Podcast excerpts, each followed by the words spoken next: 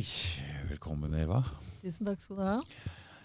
Du tok kontakt med meg fordi du ville prate om noe for å utfylle Margit og han Tore? Tore Midtvedt. Ja, Om jeg, tarmbakterier og det der. eh, ja, jeg syns jo det intervjuet du hadde med Tore i sommer, var jo kjempefint. Ikke sant? Og Det, jeg det satte i gang noen ordentlige tankegreier hos hos meg. Altså. ja. At tarmbakterier påvirker hele Mm, altså vi, At vi lever i en symbiose med vi gjør det. Ikke sant? Det er jo litt kult. Ja, ja det, er, det er veldig spesielt. Det er jo litt kult å tenke på at mennesket har like mange gener som en meitemark. Og vi tror jo at vi er litt mer komplisert enn en meitemark. Da. Men uh, når forskerne fant ut det, så ble de jo veldig forbausa. Da. Så det sier noe om hva tarmbakteriene og alle genene til tarmbakteriene gjør med våre kropper. For dette kan du, kan du mye om. For jeg husker bare Tore Midtvedt sa at det eh, Han hadde jo hatt en studio hvor mm, de hadde klart å få fram dyr som ikke hadde bakterier. Mm. Og de fungerte nesten ikke. Nei. De, de, de hadde nesten ikke noe De hadde ikke noe muskelfunksjoner. Ingenting. Så, så, øh, Nei, det er jo hva er veldig det egentlig, Nei, det de tarmbakteriegreiene? si. Nei, si. Nei, vi, vi- kan snakke veldig mye om det, men Også så eh, mange millioner med tarmbakterier. Mm. Altså, vi har ikke peiling hva det der er for noe. nei, Ordentlig. nei det, er, det er jo omtrent ti ganger så mange tarmbakterier i våre kropper som det er celler i kroppene våre. Ja. Altså nå er de bitte, Og, og det er et små. u... Så vi veit ikke hvor mange det er, eller hvor mange forskjellige typer, eller hva de funksjonene deres Hæ? Vi har ikke noe peiling på det. Det er Lite grann, ikke sant? Vi har lite grann. Men uh, det der er et uoversiktlig altså, det, Så hvis de setter mer forskning inn på det der, så kan det være at det styrer oss mye mer enn det vi tror. Mm. Fordi, ok, så jeg har hatt en del rusmisbrukere i min uh, umiddelbare nærhet. Mm. Og vi sier jo hele tida at sukker, uh, sukker uh, er en slags form for rusmiddel. Mm. Og vi har tarmbakterier som roper. Mm. Og vi ser folk har ikke vilje, egen vilje. Og vi ser det på mat. Vi ser det, men når vi prater om rusmidler, mm. altså alkohol eller piller og sånne ting, så har de også en sånn demon. Uh, det er nesten så den personen ikke er deg selv. Uh, og den lyver, den oppfører seg den, Og den veit nesten ikke om det sjøl, for den vil ha den rusen sin. Og jeg begynner å lure på om det er uh, Onkel P synger om styggen på ryggen, men snakker vi egentlig om styggen som ligger nede i magen her? Snakker vi om tarmbakterier som, som roper så hardt på det de vil ha, at uh, Eller hva er det som styrer Kan det, kan det være en greie? For det Åh, jeg er så Blir vi hijacka av disse bakteriene? Det, Det- det blir vi! Det gjør vi nok på veldig mange måter. Ja, og forskerne har jo funnet ut at de styrer mye mer enn det vi vet. Ikke sant? De prater er hjerte, veldig- lunge og, Ja, ja, men det er veldig mye vi ikke vet, så det kommer jo hele tiden ny Ja. forskning. Men uh, du vet jo at konsentrasjonsproblemer har mye med tarmbakteriene. Man vet jo etter hvert at valgene vi tar, har noe med tarmbakteriene å gjøre. Ja. Uh, vi vet mye mer nå enn man visste før. Depresjon, psykiatrisk sykdom. Mange leger sier at du har ikke en, en depresjon eller en psykisk lidelse uten en lekk tarm, f.eks. Uh, jeg tok med et bilde her Ja. mm. som jeg syns er veldig bra, og som viser ve veldig, veldig mye av, av det som vi snakka litt om i telefon, og som jeg syns er interessant å snakke om. Ja. Og hvis du ser her, så har vi inni tarmen, for å si det sånn. Du viser fram bildet, ikke sant? Ja, bra. Børge følger med. ja, ja, ja. Børge følger med. Ja da, og Ja. um, her har du jo matpak matpartikler i, i tarmen, men dette er bakterier. Og så ser vi at bakteriene påvirker tarmcellene. Dette er tarmcellene. Og da lager disse tarmcellene de lager sammen med bakteriene stoffer som blir sendt ut gjennom tarmslimhinna. Dette ene laget er tarmslimhinna. Og de blir sendt og påvirker ner nervecellene. Altså vi har nerveceller som ligger rett rundt tarmen. Så de påvirker de nervecellene, og så går de signalene som tarmbakteriene lager da i samarbeid med tarmcellene, de går da via den store nerven vi har. Du ser på bildet til høyre der, så ser du vagusnerven gå fra hjernen og ta absolutt alle indre organer. Okay. Og de nervecellene her, og de signalene sendes da rett opp til hjernen. Ja. Så vi kan si det sånn da at hvis du har eh, tarmbakterier her som eh, danner eh, stoffer som Altså hvis, hvis du har spist masse sukker, da, så bestemmer du deg for at nei, sukker er ikke så sunt, nå skal jeg kutte ut en stund. Ja. Og da blir de tarmbakteriene som er glad i sukker, de blir sure. De blir sure. De vil ha. De er ganske sterke. de- De, de, ja. Og så lager de signaler som sendes opp til hjernen, og så får du cravings på sukker. Og da kan du jo spørre er det du eller tarmbakterien din som vil ha sukker. Det er bare ett eksempel, da. Nå, nå er det sånn at disse sukker, så er det jo sånn første dagen etterpå er ille, dagen etterpå er litt ille, men etter tre dager så er det ikke så mye igjen av disse. Men, og så jeg begynner å tenke, jeg har en sånn veldig plage oppe på kjøkkenet her nå. Mhm. Bananfluer. De er litt mer resistente enn disse altså etter Sukkeravhengigheten går over Etter kort tid, stund, eller? De som slutter å spise sukker, etter en stund så har de ikke så cravings på sukker. For hvis Nei. du ikke mater de bakteriene som vil Så ha roper de ikke så sukker, høyt. så vil de jo forsvinne etter hvert. Og dette er karus og Baktus, ikke sant? Omtrent. Ja, de De vi- roper. Ja, vi får de bakteriene som vi mater. Ikke sant? Så Ja. at når du begynner å spise andre ting og mate andre bakterier, så får du andre bakterier. Ja. Og, og de bakteriene samarbeider jo hele tiden med cellene i tarmen og sender disse signalene ut i kroppen. Men disse eh, bakteriene kan også danne signaler som går rett ut i blodbanen og fungerer mer som hormoner i kroppen, eller som stoffer. Enten det kan være giftstoffer, det kan være positive stoffer Mm. eh, som også blir sendt ut med blodet rundt omkring i hele kroppen. Så de signalene går både via nervecellen til hjernen og ut i blod. Mm. Og så kan du tenke deg da, etter hvert altså Tarmslimhinna er jo ganske interessant, for den har bare ett lag celler. Og skal være bundet godt sammen. ikke sant? Det skal være tight Du veit at det, det viktigste uh, for lyden er at du prater inn i mikrofonen. Ikke at du Ja, peker nei. på meg, for det ser ikke de allikevel. jeg ikke peker sant? på bildet. Jeg Jeg vet. det, men det er bare for meg. De andre ser ikke. Nei. Ikke sant? Du vet det? Ok. For når du sitter sånn, så blir det så Ja, veldig ujevn lyd. Da, jeg bare. da bør jeg ikke peke mer på bildet. Nei, du skal ha sånn pekestokk, da.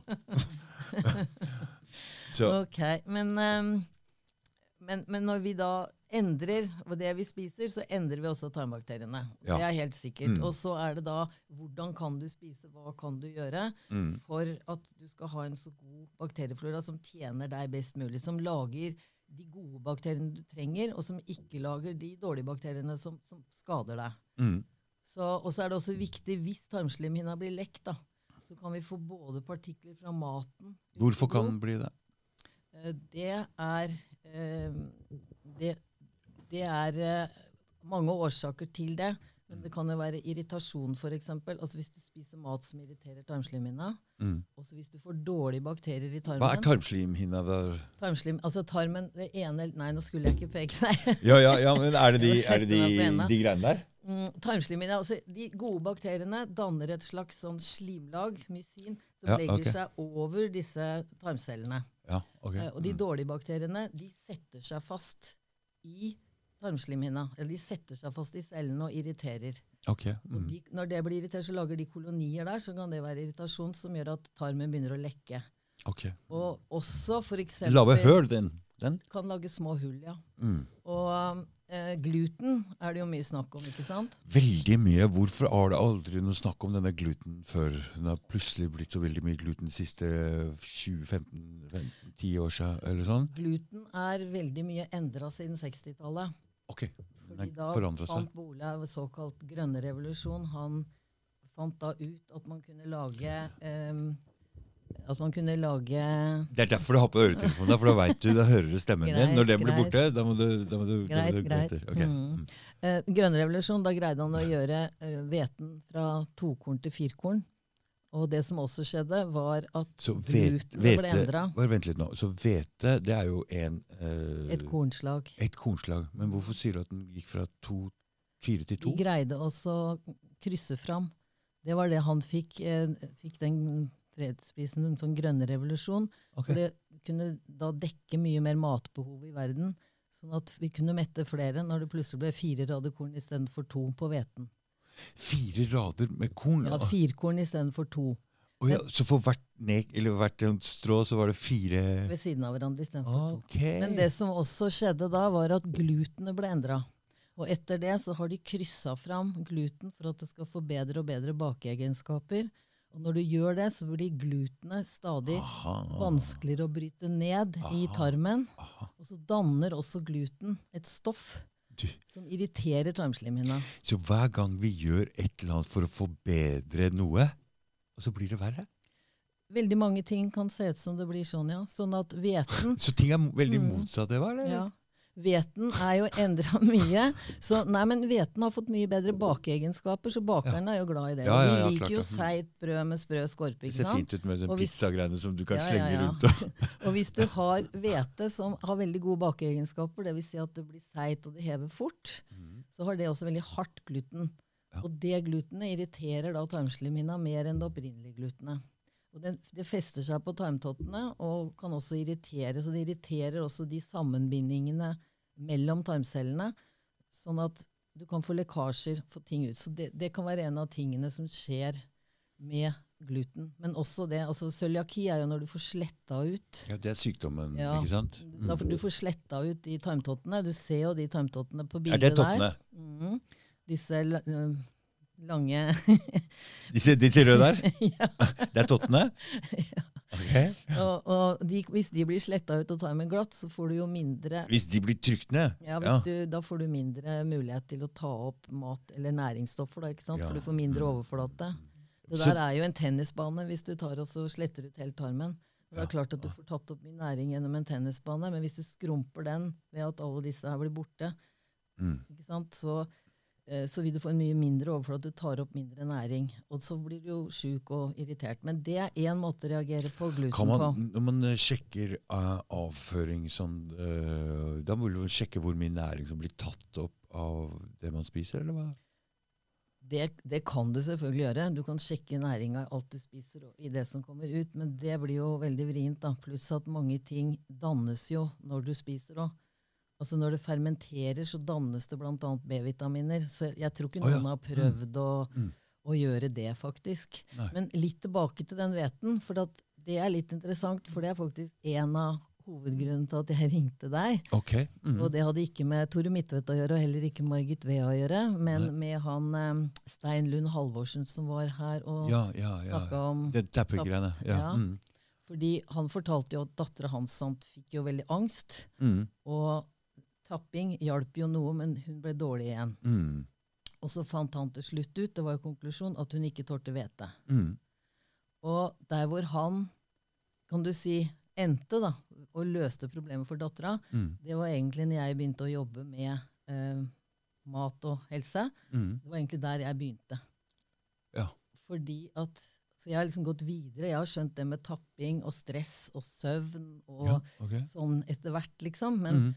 Eh, når jeg ble homopat i 2000, så begynte jeg å jobbe som homopat, og også mye, mye mer med ernæring. Nå må jeg stoppe deg litt, Ja. Eva, for det homopat. ok? Hva er, altså, vi har... Så vi, vi, vi veit jo at vann Vi har sett disse krystallene Mm. som du kan påvirke, som ser litt annerledes ut. Og når man går for um, f.eks. tanker eller Vi har sett disse som, som det Mm. fryser. Emoto, ja. Sånn Ja, emotogreiene der. Ja, Når du ja, ser ja, emotobilder, så ser ja, du hvordan ja. vannet, altså vannet fryser i ulike krystaller. ja, ja, ul- ja, ja. Forskjellig hva det fryser rundt. ikke sant? Ja, ja, ja, ja, Og en teori på det med homopati, for jeg, jeg er veldig enig med de som, som syns Det blir jo, for det blir jo litt sånn. Ja, det er ja, ja. sprøtt, ikke sant? jo mer du tynner ut, jo sterkere virker det. Altså, Ja, det, blir helt Ikke sant? det er jo ikke noe rart At folk reagerer Nei, eller nei. syns det er jeg har stått foran en sånn maskin Ja. som lager homopatiske midler, og ser at vannet blir pressa inn, så ristes det, så helles alt ut. Så kommer nytt vann, så ristes det, helles alt ut. Så gjør du det 200 ganger. Ja. Ikke sant? Så har du da 1 til 100-200 ganger, og så tenker du da skal det fungere sterkere enn ikke sant? Og så tenker du, Det er jo ikke noe rart folk tror vi er klin gærne. som Eh, tror ikke på sant? Så det der er jo en eh, De der Men, men vi snakker om noe helt annet enn fysisk stoff. fysisk Men ikke vær redd for mikrofonen. Eva. Ikke vær redd for den. Nei vel. Jeg ser noen Jeg gjester her. å komme unna. Ja, jeg vet, de, de, de vil forbi den og vil se. Jeg er ikke vant til sånne mikrofoner. Nei, men det er liksom Det er den. Det er den. At som den er liksom den. Jo, men tilbake til homopatien. Ja, ja. Eh, Det, det, det handler ikke om fysisk tilstedeværelse av stoffer, det handler om energier. Fordi hvis du, hvis du f.eks. i denne snøkrystallen, da, Ja. så ser du at rundt kaffe eller whatever it is som det fryser rundt, så dannes det forskjellige krystaller. Mm. Og det ser man at når du har et stoff i vann La oss ta kaffe, da. Mm. Kaffe cruda er et homopatisk middel for de som sover dårlig. Så ligner vannet på den Det danner Nei. likt molekyl? eller? Nei. Nei. Nei. Det dannes en struktur rundt den kaffen. Og jo mer du tynner og rister, jo sterkere blir den strukturen. Ok. Og når du har tatt én del av den mortinkturen med kaffe og ti deler vann, når du har gjort det mellom 3 og 24 ganger, da er det ikke flere eh, molekyler igjen av kaffen. Nei. Men da blir den strukturen i vannet sterkere og sterkere. Så jo du- mer du tynner og rister, jo sterkere blir den strukturen. Og vi er 99 molekyler vann. Så da tenker vi at når du får i deg det homopatiske middelet, Mm. så vil det omdanne, altså det vil omstrukturere vannmolekylene i kroppen din. Ja. Så hvis du da ikke får sove og får kaffe cruda, så kan det føre til at energien i kroppen din gjør at du sover bedre. Mm. Så ta det som et eksempel. Mm. Men dette her, det er jo litt sånn fordi nå um, går jo alle Alle greiene går jo ut i havet. Mm. Og der er jo vannet. Mm. Så det påvirker jo vannet noe veldig. Da. Ifø- Ifølge homopatien Ja, ja, Da, så vil jo det påvirke vannet eh, veldig. eh, og påvirke oss. Mm. Nå er jo ikke vannet Når, når du putter masse dritt i vannet, for å si det sånn, så rister du ikke. Da, det, men det blir, da blir det mer Nei, men- giftstoffer som forgifter oss, ikke sant? hvis Ok. ikke vi renser ordentlig. Ok, Men det setter jo et slags avtrykk i vannet, Det, det disse gjør det helt sikkert. sånn at det er vel en av de De sier jo at vann har hukommelse. Mhm. Ikke? Det er en av de tingene som sikkert skader oss nå. ikke sant? At vi ofte drikker, og vi har vann i maten vår som er tilsatt stoffer, og som ikke er rensa ordentlig. Så det er klart at det påvirker oss, det også. Men det blir et helt annet sånn prinsipp enn Ah, ja. empati. Ja, ja, men det er liksom, jeg skjønner det, men da begynner vi å lure på om hele kloden og menneskene alt bare er en eneste organisme, og at ingenting står aleine, og alt vi gjør, har en Ja, alt henger alt, sammen. alt henger sammen, alt henger ikke sant? sammen alt. Ja. Vi vet jo nå at tre trærne snakker med hverandre, ikke sant? at de har røtter. Hvordan kan man vite det? Nei, det må du ikke spørre meg om. For, Men men jeg har lest en, nei, det er jo bøker som er skrevet om det, Ja. hvor det er folk som har sjekka, og de tar signaler fra ett tre. Når det kommer en fare, så sender jo trærne signaler til hverandre. Ja, de, de er én ting, ikke sant? ja, ja. Jeg, jeg, jeg satt akkurat og tenkte på det, fordi ma mange av disse er jo forbindet via rotsystem, men det er jo ikke alle som er det. Altså, de, Sopper med mycel. Det er, det er, alt henger sammen ikke med alt. sant? Så det er en Og organisme når vi driver og og Mm. ødelegger f.eks. vannet Når vi påvirker noe i en retning, så slår det negativt ut på noe annet hvis vi Mm. prøver å forandre på det. Det er sånn det ser ut. Mm. Som med gluten, Mm. Som vi prøver å forbedre, og så Vi slår det feil. Vi prøver å forbedre det, og bakerne prøver å forbedre det. Ja. Men det er ikke sikkert det er så bra for oss. Og så det opprinnelige glutenet altså Vi har jo en, Emmer og enkorn er jo noen av de opprinnelige okay. kornsortene. Mm. Og så kommer spelten, og så kommer hveten. Oh, ja. Så, og så er hveten da blitt veldig forandra. Så Mm. det er jo uenigheter om det, men Ja, ja, ja, ja, min, er min mening er det at den hveten, den moderne industrihveten, er skadelig for oss, og, og vi bør ikke spise den. Men så har noen gått så langt til å si at det, det er glutenfri øl og sånne ting. Hva er greia Ja, hvis, det? folk, eller altså, hvis folk ikke tåler gluten, altså hvis du har cøliaki, og du ødelegger tarmtåten din, og hvis du først har fått det, Ja, ja. da må du holde deg unna gluten resten av livet, for da blir du sjuk i tarmen. Fordi når man får for mye av en ting, så da blir man allergisk mot det. Ja, Ikke bare at du blir allergisk, men hvis du først har fått den sykdommen cøliaki, så det. vil du fortsette å være det. sånn at de. Det sies jo det at først du først har fått cøliaki, så må du på en måte basere deg på et levet liv uten gluten. Mm. Men det er jo ikke veldig mange som får cøliaki. Nå sies det at det er én av hundre som får det. Mm. Men det er mange andre som reagerer på gluten, det er jo et protein, og de Mm. andre proteinene i hveten også. Okay. Så det som skjer hvis, hvis tarmen f.eks. blir lekk, og du har dårlige tarmbakterier og dårlige enzymer, og ikke greier å spalte maten ordentlig ned Altså vi skal spalte maten ned til de minste Ikke sant? Det er det som foregår Og nedi hvis her. vi ikke greier det, Mm. og Jeg tarmen får ikke da tatt opp. Nei, jo, da kan du få tatt opp, men du kan få tatt opp på en veldig negativ måte. Og det er at partikler som ikke skal ut i blod, kommer ut i blod. Mm. Og da reagerer immunsystemet. Ja. Og da kan du få en immunreaksjon på disse proteinene, eller proteinrestene. Det er jo det som er det verste. Og du kan også få giftstoffer. La oss si at det er giftstoffer i den maten du har spist. da. De dårlige bakteriene danner giftstoffer som skal liksom ut med avføringa. Men hvis tarmen er lekk, så kommer det inn i blod. Og hvis du har de gode bakteriene som danner gode stoffer som blir sendt som signaler ut i kroppen, så funker det veldig bra. Men har du dårlige bakterier som lager dårlige stoffer, og også en tarm som lekker, så vil du få de dårlige stoffene ut i blod. Og det vil jo påvirke hele kroppen din og immunsystemet ditt. ikke sant? Mm. Da kommer matintoleransen inn i bildet. Og jeg vet jo ikke hva som feilte dattera til han eh, Stein Lund Halvorsen. Eller jeg vet han sa at dattera hans fikk angst av hvete. Mm. Og hvis du skal forklare hvordan det kan skje, Mm. så kan det jo være det at altså, hun hadde ikke cøliaki. Så hun har jo ikke det at hun ikke kan spise hvete sånn sett. Nei. Men hvis hun liten, liten ikke sant, kanskje har lekt tarm av en eller annen grunn, Mm. og så kommer da de andre proteinene fra hveten, hvis det ikke blir ordentlig nedbrutt, så kommer det ut i blodet, og så reagerer det. fordi at disse stoffene fra maten kommer også opp til hjernen, og disse stoffene kan også blokkere det som vi kaller synapsespalten mellom nervecellene. Det er mye, ikke sant? Jeg blåser i synapsespalten, Ja. men i hvert fall mellomrommet mellom nervecellene. Og hvis det blir blokkert, så kan du jo få både angst og depresjon, aggresjon osv. Så, videre. så enkelte matpartikler kan faktisk gjøre det. Mm. Og um, det kan jo være det som har skjedd med henne, eller at disse nesten nedbrutte hveteproteinene ikke sant? De blir angrepet av immunsystemet, for immunsystemet finner ut at her er noe, dette er en fiende, dette er noe som ikke skal være her. Mm. Og så angripes og så får du IGG på det, akkurat som du får IGG på bakterier og virus, sånn at immunsystemet skal være alert. ikke sant? Så bare for å stoppe opp litt nå, så for å tenke, for du er jo det vi kaller Du hører jo til den alternative betaen som tar for seg og går litt dypt inn i sånn som det her.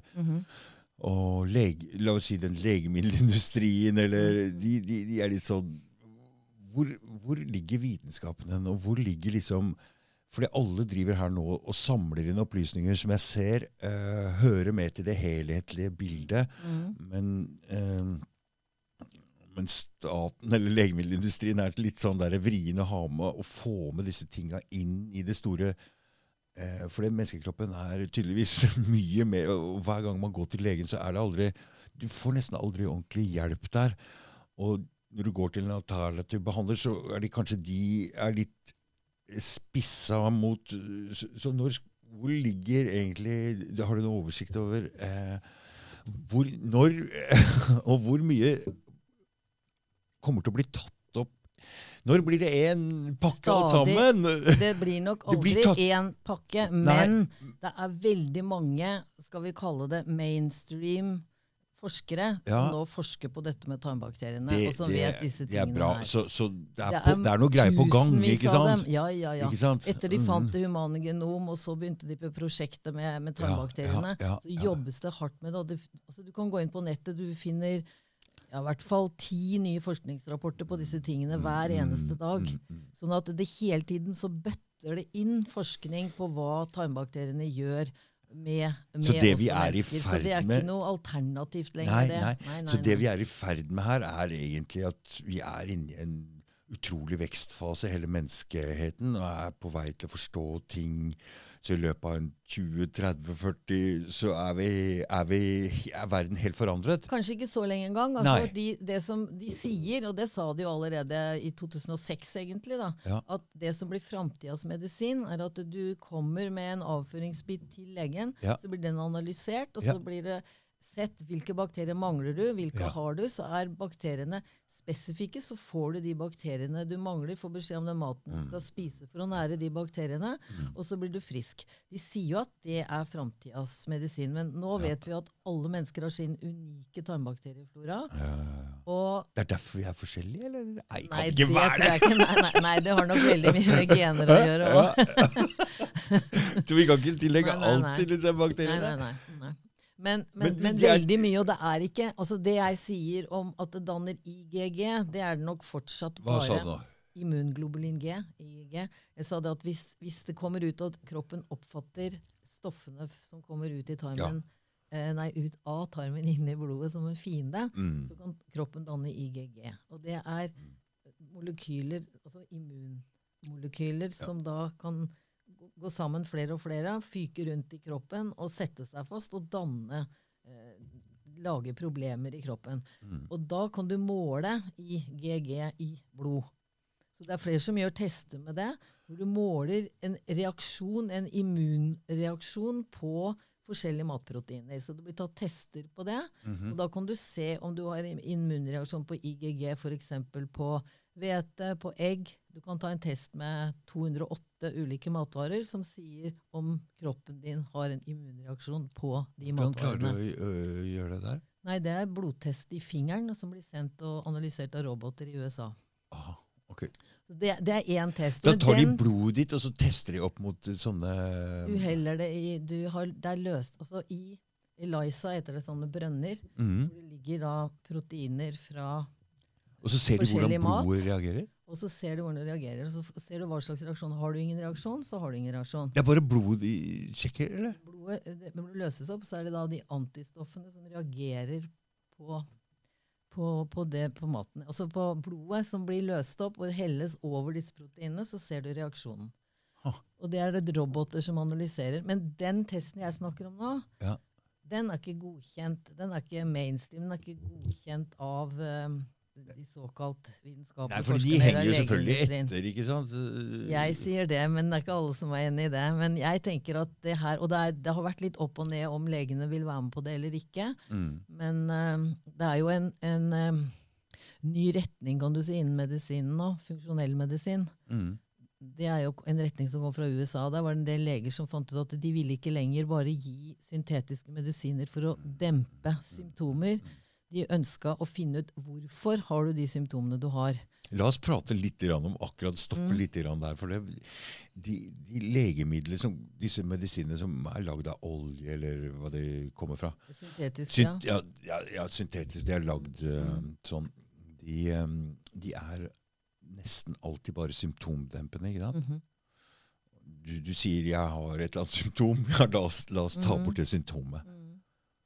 Altså, legene er jo veldig flinke til å finne hvilken medisin du skal bruke for de ulike symptomene, men det å jobbe forebyggende og det å finne ut hvorfor har du fått de symptomene Altså hvorfor har du høyt blodtrykk, for Ja, eksempel? ja, ja, ja. Hvorfor har du høyt kolesterol? Hvorfor har du ditt, og hvorfor har du datt? Mm. Og det ville de funksjonellmedisinerne gjerne finne ut av. Så de lagde en ny retning innen medisin, kan du si. Ja. Og de kaller ikke pasientene sine for pasienter, de kaller det for aktienter. Er dette eller vanlige leger som har Det er veldig mange vanlige leger. Nei, de er såpass mange og så sterke, og de har jo så Ja. mye kunder at hva den andre legevitenskapen sier om dem, det tror jeg ikke de syns er så interessant. For at de merker jo de greier å gjøre folk friske, så, og ja, det blir men stadig eh, så flere. har vi, jo, har, vi jo, har vi jo eh, ting som foregår her i Norge hvor en lege kan ikke gjøre hva han vil.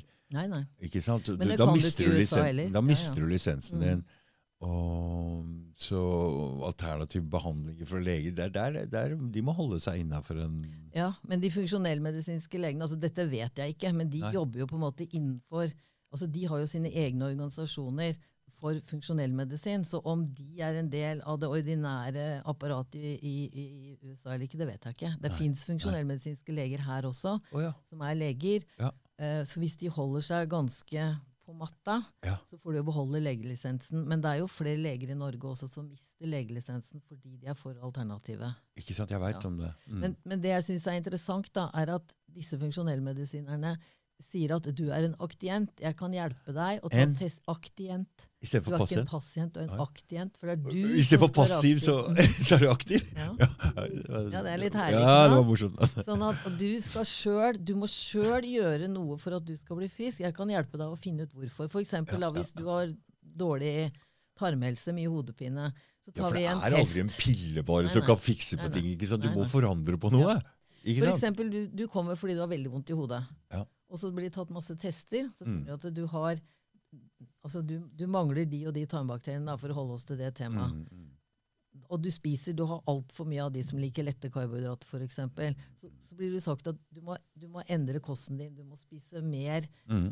karbohydrater, altså mer grønnsaker. Hvis du skal spise korn, så må du spise veldig grovt korn. Du må spise mer fiber, så du får de tarmbakteriene som, som, som fungerer bedre i din kropp. Så får du en friskere kropp. ikke sant? Og da må du sjøl gjøre det. det hjelper. Du får ikke en pille. Nei, Får ikke pillen. Du må sjøl jobbe for å bli frisk. Og, men det er jo helt klart altså vi, Hvis man går eh, livet sitt litt etter i sømmene, de aller fleste av oss, Mm. så ser vi jo tydelig feil her. Vi ser hva vi dytter i oss som vi ikke skal. Vi ser hva vi gjør som vi ikke burde gjøre, og ting vi burde gjøre som vi ikke gjør. Mm. Men vet du hva jeg syns blir ekstra Ikke ille da? Det er at mange som er opptatt av å spise sunt, Ja, og tror de gjør det, ja. De får i seg likevel veldig mye giftstoffer Det- fordi det er det er så fordi- mye gift i maten. Det, Og det er jo vi. et her kommer ja, vi ja, her kommer, nå kommer du, Eva, med din greie. ikke sant? Ja, For det her er ikke lett. Eh, og vi tror, jeg også tror jeg, Men jeg, jeg skjønner at jeg ligger på en Ok, hvor sunn er jeg egentlig? Mm. Pss, 80 eh, mellom La oss si jeg ligger på 70-80 Mm. samme som på trening. Jeg holder meg der. Jeg synes det er Mm. Grei greie. Jeg er ikke noe fanatisk verken ene eller andre greiene. Men det er jo alltid rom for forbedring. Eh, det er derfor vi lever det, tror jeg. Mm. Ja, ja, ja. Ikke sant? Jeg, jeg tror at Mm. vi skal prøve å bli litt flinkere. litt sånn som Mm. man, nå, Så nå kommer du inn med Eva. Hva er det som Hva er det, hva er det for? Fordi det er mye dritt i, i, i butikkene. Ja, jeg har jo den påstand at 80-90 av det du kjøper i norske butikker, gjør deg syk på én eller flere måter. Oh, Det er min påstand. og vet du hva jeg har lyst til å si da da? prater vi om matbutikker igjen. Ja, ja. Ja. Men jeg har lyst til å si da at Ja. det er den første boka jeg skrev. Ja. Og Tore Midtvedt han skrev forordet til den boka her. ja. Og han nevnte jo det med konservering. Takk for maten. Ja. Mm. Han nevnte, jo det med, med konserveringsmidler og tilsettingsstoffer når han Ikke var sant? her. ikke sant? Mm, mm, mm. Og um, når, han, han sier jo det at dette er en bok som vi burde hatt for lenge siden, fordi at Mm. her kommer det fram viktige ting. Mm. Og det som har vært min Altså, jeg hadde dårlig tarmhelse sjøl. Og du kan Mm. si at, at jeg fikk veldig mye penicillin når jeg var ung, for hadde mye halsbetennelser. Mm. Og det er veldig mange som er utsatt for det. Og tar du mye penicillin, så dreper du mye tarmbakterier. Ja. Og da kan du få problemer seinere i livet, for da har du jo mangel på tarmbakterier. Da kan det jo hende at det er noen funksjoner som de tarmbakteriene skal hjelpe deg med, som ikke blir utført, da, for å si det sånn. Mm. Og så blir jo fysikken dårligere og dårligere, ikke Og, sant? og så er det jo mat, eller mat i kosten vår har jo forandra seg veldig opp Veldig, igjennom. ikke sant? Så du får kanskje aldri tilbake den floraen som du Nei. Er det det heter? Bakterieflora? Ja, ja. Ja. Eh, kan, kan vi først si litt om hvordan den bakteriefloraen oppstår i oss? For det er også ganske Kom igjen. interessant. Kom igjen. Mm. Ja. Fordi at når et barn blir født, Mm. så Ah, har jo nå barnet kommet gjennom fødselskanalen. sant? Mm.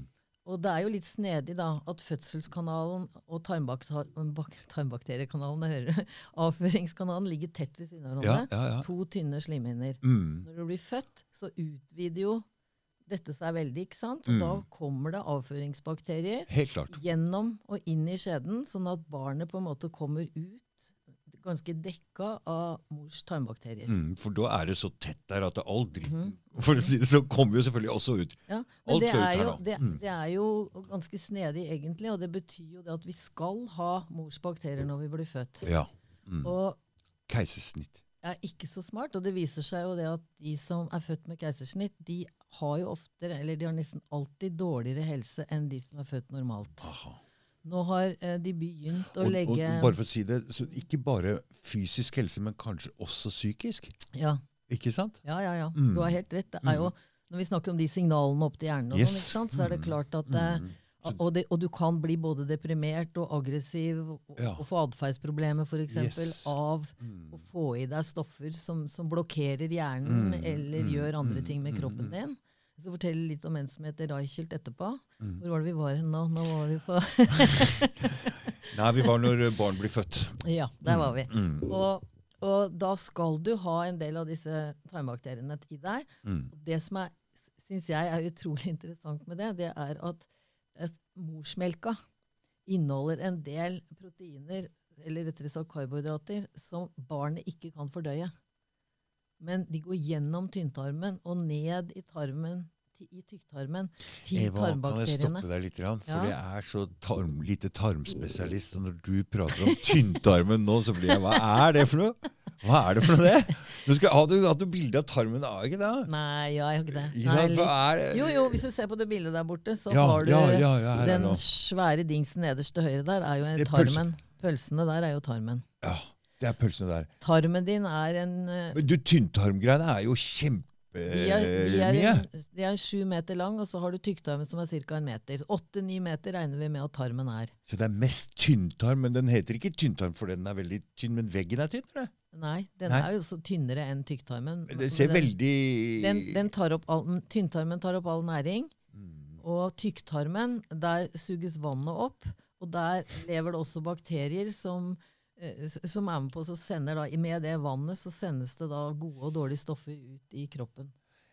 Så hvis man, Jeg har jo sett når man åpner opp og Det der er et sted jeg ikke ville putta fingrene mine inn i. det der tarmgreiene der. der er det veldig ekkelt, er det ikke? Nei, det vet jeg ikke. Det spørs hva du er vant til, og hva du tenker. Nei, bare, okay. Ja. Men i alle fall, da. Så, så hvis du spiser veldig mye sukker, så er det typisk sånn at det går rett opp i kroppen i tynntarmen. Ja. Og veldig mange karbohydrater, stivelse. Når du koker potet Vi har jo sagt du skal ikke spise poteter, kokte poteter, for da får du så høyt blodsukker. ikke sant? Det er en ting vi Mm. sier. Mm. Det er fordi at det, den stivelsen som er i poteten, Mhm. den blir tatt opp og blir gjort om til sukker i kroppen. Okay. Men Hvor? i tynntarmen. Inni tynntarmen. Ja, s- og fra tynntarmen.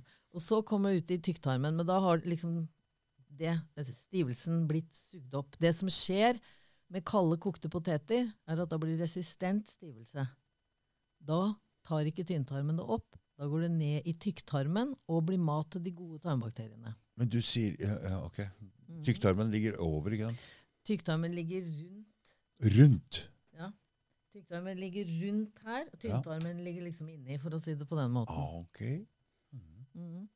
Og det som skjer med de karbohydratene som er i morsmelk, de blir da ikke tatt opp i tynntarmen, men de går ned til tykktarmen og blir fordøyd av de bakteriene som ungen da har fått eh, gjennom mors avføring. Hvem ligger først, tykktarmen eller Tynntarmen, Mavesekken, tynntarmen, og så over til tykktarmen. Tykktarmen, og så ut i endetarmen. Ok. Kan ja, det er ikke dette, altså? Nei, nei, jeg har ikke peiling. Jeg har ikke peiling. Det, dette er sånn ABC. Ja, Dette, ja, altså. ja, ja, jeg skjønner det. Jeg skulle lært det på barneskolen. Nei, kan ikke Men i alle fall, det, ikke sant at det er interessant. At Ja. hvis da ungen ikke får disse bakteriene fra moren sin, Mm. så greier den ikke å fordøye den melka. Nei, Nei. ikke sant? Og hvis den ikke greier å fordøye den melka, så lager ikke de bakteriene de fettsyrene som den ungen må ha for å utvikle hjernen sin. Mm. Ikke sant? Mm. Så jeg sier at når du blir født, eller når en mor føder sitt barn, så Mm. er det den første gaven til barnet. Det er tarmbakteriene. Og så brystmelk. Og så brystmelk. Og nå er det keisersnitt og Flaskefôr. Flaskefôr. Nei, det er mange som eh, er Ja opptatt av ja, amme. Ja, ja. Men, men, eh, men, men ikke sant, det viser hvor viktig det er. Og Tore Midtvedt han var på den boklanseringa også, altså denne boka, Ja. og han sa det at hvis du føder et barn med keisersnitt, ja. så gjør du sånn. Stikker han fingeren der, Ja. sånn, Inn i munnen på den. i pungen. Fordi Tore er ikke snau. Han, disse tarmbakteriene Jeg sa hvor skal de Ja, de skal inn både foran og bak. Dette er bra greier. Ja, ja. Han er klar på det at hvis du føder et barn med keisersnitt, så skal det barnet ha noe av din avføring for å få de bakteriene som en ellers ville Men hvem klarer å holde huet kaldt når det skjer Ja, ja. Det kan du spørre om. Hæ? Men nå har de begynt å legge en klut inni skjeden på kvinner når de tar keisersnitt. Ja. Så barnet får hvert fall, så legger de over ansiktet til ungen Okay, så, så Så de får i hvert fall de bakteriene, men jeg mener at de burde ha litt mer endetarmsbakterier også. Men det, Men ikke sant det er det der med bæsj og greier. ja. Du, det er ganske naturlig. Ikke sant? Ja, ja. Vi, vi, vi går alle sammen og gjør noe ut hver dag, ikke sant? Og Du, det- vet du, jeg er så Jeg kjører søppel. Mm, Og, men nå har jeg begynt å, ok, så nå har jeg begynt å spise på kantina, men før så spiste jeg bare i bilen. mm, Og de hanskene blir jo dritmøkkete og våte. mm. Så jeg blir jo, Det går jo rett igjennom. Men vi vasker oss ikke på hendene og spiser mat. Jeg bare tar opp fra Nei, bakken. Jeg Jeg, bryr meg ikke om det i det hele tatt. Jeg tror at det fører til at da får du et godt immunsystem, for vi trenger hele tiden litt motstand. Jeg tror at en av Mm.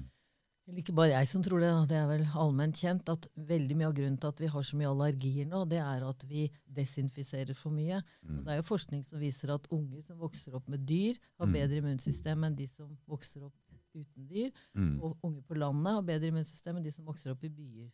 Og de med dårligst immunsystem er de som har mødre og fedre, i den grad fedrene stiller opp på det, Mm. som vasker og steriliserer alt. For vi skal ha Først så skal vi ha mors tarmbakterier. Mm. Så skal vi ha bakterier fra huden. Så da kan du også si at hvis vi vasker og styrer oss og smører på kremer, så er det det ungen får istedenfor vanlige hudbakterier. ikke sant? Og så skal ungen, altså Unge putter alt i munnen. Ja, alt. Skal sitte på bakken og spise jord. Du vet veit hva jeg husker? så ok, Du vet godteri er verdi når du er liten. Det er, det er verdi. Ja, ja, ja. Så jeg visste om en måte da, å skaffe meg eget godteri på. Mhm. Så jeg hadde et område utafor her hvor det var bra asfalt. Jeg tok opp sånne tyggegummier. Og så gikk jeg inn her, så tok jeg en sukkerbit i skapet. Satt, klatra opp på en stol og tok sukkerbit inni og spiste den.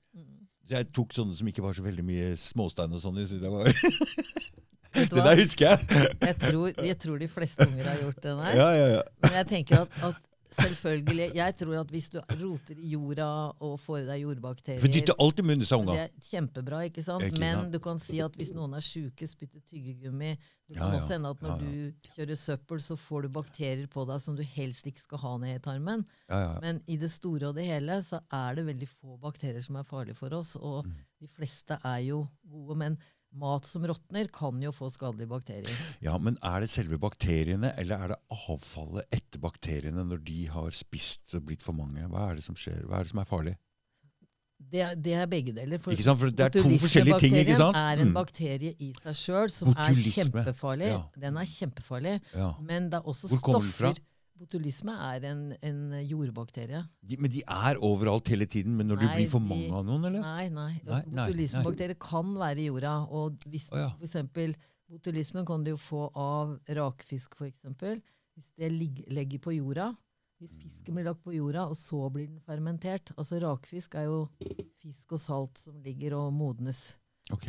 Og hvis du da har jordbakterier der, som da inneholder den botulismebakterien, Mm. så kan det utvikle seg botulismebakterier. Og hvis du får i deg den, da blir du skikkelig sjuk. Mm. Men om det også er fra de stoffene som de bakteriene lager, det vet jeg faktisk Men, men ikke. når, man, når man ser f.eks. på en, eh, et, et dyr som dør og så Det det ligger der og råtner, ikke sant? Ja. Men disse bakteriene kommer jo innifra. ja, ja. Det er ikke noe som kommer krypende utenfra. Altså, vi har disse bakteriene inni oss, og så når det slutter å pumpe blod rundt og kommer det oksygen til Så kommer vel så- bakteriene. så da blir det, vokser de, og så blir man borte. Hæ? Ja, men det kommer nok Så bakterier det, Ikke sant? Hvor de helt kommer fra når de råtner, det er jo mye innenfra. De du må jo komme innifra! Hvis du ligger for deg sjøl, så, så råtner du jo. Ja! De og alt frukt og alt sånt, de råtner jo. Det kommer ikke krypende utenfra, disse bakteriene. Det er inni. Vi, har jo, vi har jo enzymer og Og grønnsaker. det betyr, men det betyr at eh, sånn når um, Og her er vi inne på noe litt sånn spennende, fordi når du får for lite oksygen, Mhm. Så skjer det noe med både det ene og det andre, med celler og alt Mm. mulig. Og når du slutter å puste, så er du, er du død. De Og så, ja, og så begynner altså, pga. mangel på oksygen, så forandrer hele bakteriegreiene seg, og så blir du, vet, når vi, spiser du seg sjøl. ja, og når vi lever, for å si det sånn, så da har vi jo disse prosessene i kroppen som gjør at cellene danner jo kraft, ATP, danner energi. Ja, dette er vanskelig. Kan Ja, men hvis, okay, du, hvis, du, hvis du ikke slipper oksygen til en celle, Ja. så kan den begynne å fermentere. Kan bl.a. utvikle kreft. Og Ikke hvis, sant? Her har og hvis, det. helt, hvis alt mm. dør, og du ikke får noe mer oksygen i det hele tatt, da begynner jo den fermenteringa og den forråtnelsesprosessen. Så sånne melkesyrer av grønnsaker som Margit Vea bl.a. snakka om, Mm. er jo grønnsaker som ligger og ikke får luft, med litt salt. Og så er det de gode bakteriene som da begynner å danne uh, ulike typer melkesyrebakterier som er bra for oss. Mm. Og det er de som er bra, som er anaerobe, altså de som ikke skal ha oksygen. Og de er bra for vår tykktarm. Ok. Og så har du de aerobe, det er de som vil ha oksygen, som det er mer av i tynntarmen. Og her Mhm. skal det jo hele tiden være en balanse. ikke sant? Hvis du får for mye av noe og for lite av noe annet, så blir det ubalanse. Mm. Og har det veldig mye dårlige bakterier, så kaller vi jo det en dysbiose, altså dysfunksjonell biose. Og så har du en symbiose. De spiller sammen når du har en Mm, god mm, bakterieflora. mm, ikke sant? mm, mm. Så hele poenget her er jo å jobbe for å ha en best mulig tarmbakterieflora og minst mulig dårlige bakterier. Og det er når vi får overvekst av dårlige bakterier, at de kan irritere tarmslimhinna, at tarmen kan bli lekk, at du slipper stoffer ut i blodet, at du da får immunreaksjon og sånn. Og for å ta det med Reichelt, da, og for å kanskje også ta er det? Hva er det? Reichelt, jeg jeg vil gjerne snakke litt om en som heter Reichelt. Ja, ja, ja, ja. Det er en norsk forsker. Han, han jobba på um, Rikshospitalet i 40 år.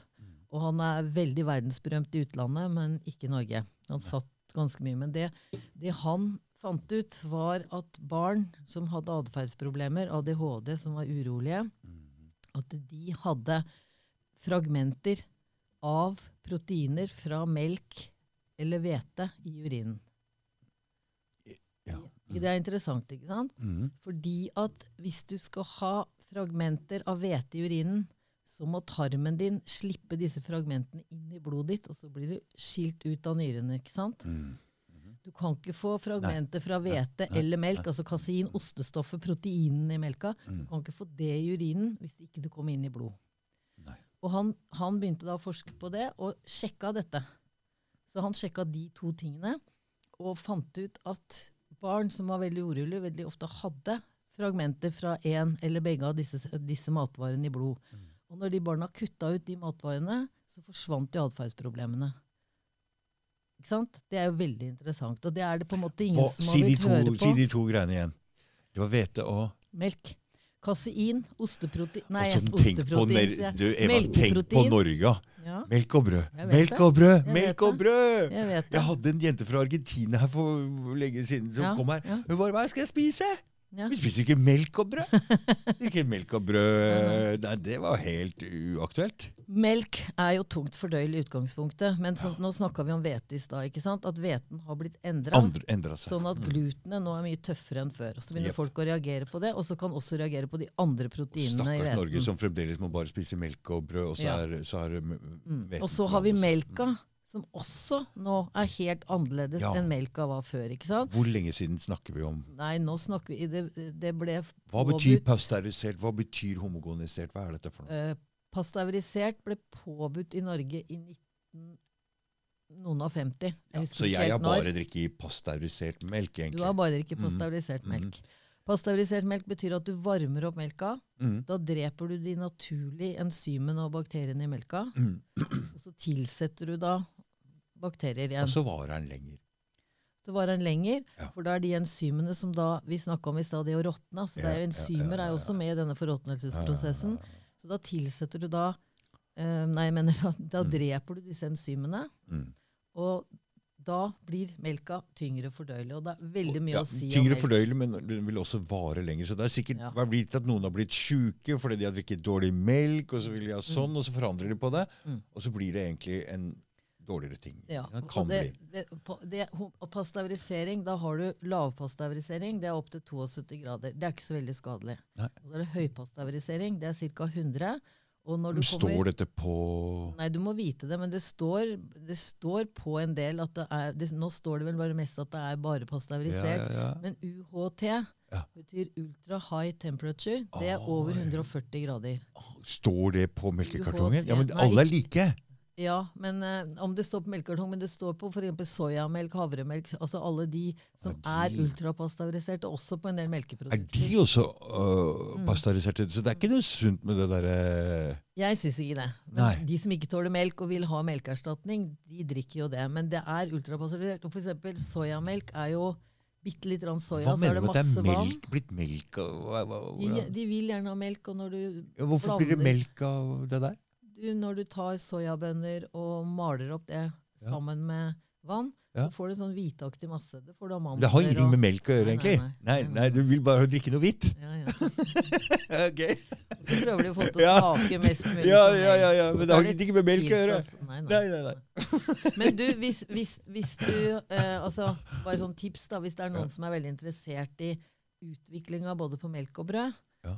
så holdt jeg et langt foredrag om det en gang. som Terje Toftenes, vet du, han var jo også her hos Ja, deg. ja, han ja, ja, filma at jeg hadde det foredraget en gang, og det ligger faktisk på YouTube. Det er eneste av meg som ligger på YouTube. Det kan vi legge med link til. Det kan vi legge med link til. Noe der, Først er det en hel en, og så er det også en med hvete og en med melk. Og der snakker jeg om alle de måtene melka og hveten har blitt ødelagt på, og hva det gjør med kroppen.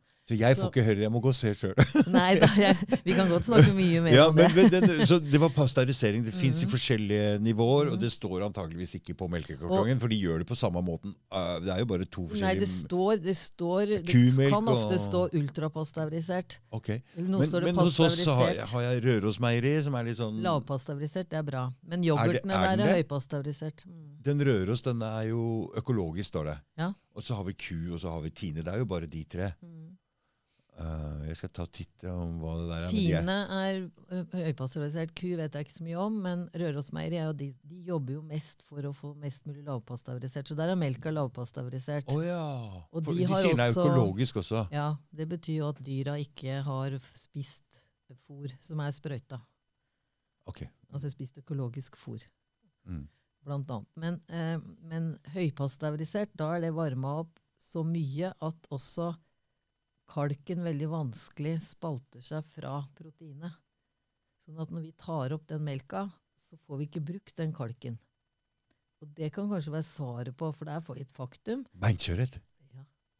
Ikke sant? Enda mye uh, kalk og mye melk vi drikker, så har vi råd ja, beinkjørhet i Norge. Ja, du må drikke to glass melk hver dag for ikke å bli beinskjør. Verre. Kvinner i Norge er de som drikker mest melk, og de er de som er mest beinskjøre. Hva skjer?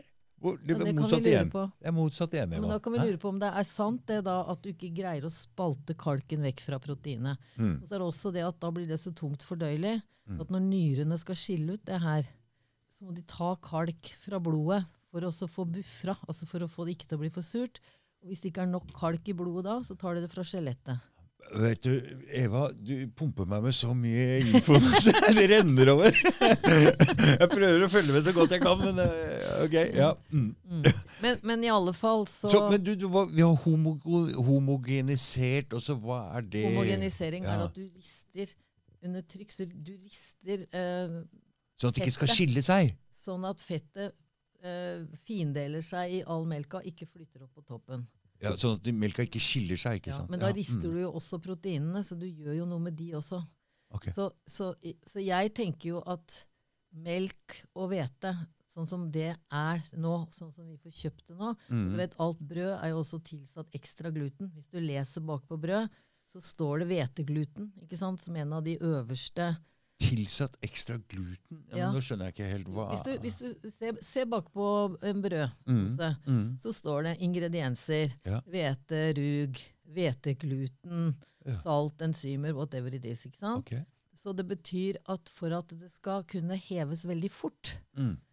så og Ja, for det haster, dette her. Ja, ja, det haster. Ja, ja. Før så tok det døgn. her skal det lages brød fort. Først tok det tre døgn å lage brød. Det gjør det også på surdeig. Ja. Eh, men fra de blander fra de blander mel og vann, og til brødet er ferdig stekt, går det nå 1 time og 40 minutter. Og det betyr at det er noe som heter fyt fytinsyre i korn og i alle levende ting. Når, når, når, for eksempel, når, når du har et korn, Mm. så tenker det kornet, hvis det tenker at jeg vil spire, Mm. jeg vil gjemme på alle mineralene mine, Mhm. jeg skal ikke gi bort de. Nei. For de skal jeg ha i matpakka. Så når jeg blir fuktig og jeg skjønner at nå skal jeg spire, da skal jeg slippe fri det, sånn at min spire kan bli sterk. Mm. Det betyr at korn, når det går så fort, så slipper ikke det kornet løs. Altså Fytinsyra slipper ikke løs mineralene. Så magnesium og sink og andre mineraler det blir værende i kornet. Mm. Så når du spiser det brød som er lagd så fort, Mm. så har ikke den fytinsyra fått eller enzymet, Mm. fått tid til å virke, og fytinsyra har sluppet mineralen. da. Mm. Så da kan du egentlig putte brød i do, rent bortsett fra at da blir du ikke mett av det. Derfor så hadde jeg jo han der Tor Fosseid inne her. Ja, ja, ja, Han har også han- vært her, vet du. Og, det, og etter det så spiste jeg ikke brød på et halvt år. Han skremte meg veldig. Men han, da var vi innom det temaet her, husker jeg. Og da var det det at hvis du skal spise brød, så spis surdeigsbrød, som i hvert fall har ligget i, i, i noen dager og gjort For det var også han det, det, Han sa det Da, samme som deg. ja, da Mm, mm. fermenteres kornet. Ja. Da spaltes proteinene opp, så du Ja. fordøyer det lettere. Hvis du har yep. vanskelig med å spøyte, spre, Mm, Norsk, kan ikke snakke. Spalte opp hveten, gluten og de andre proteinene. ikke sant? mm, Så blir det spalta opp i den prosessen. mm.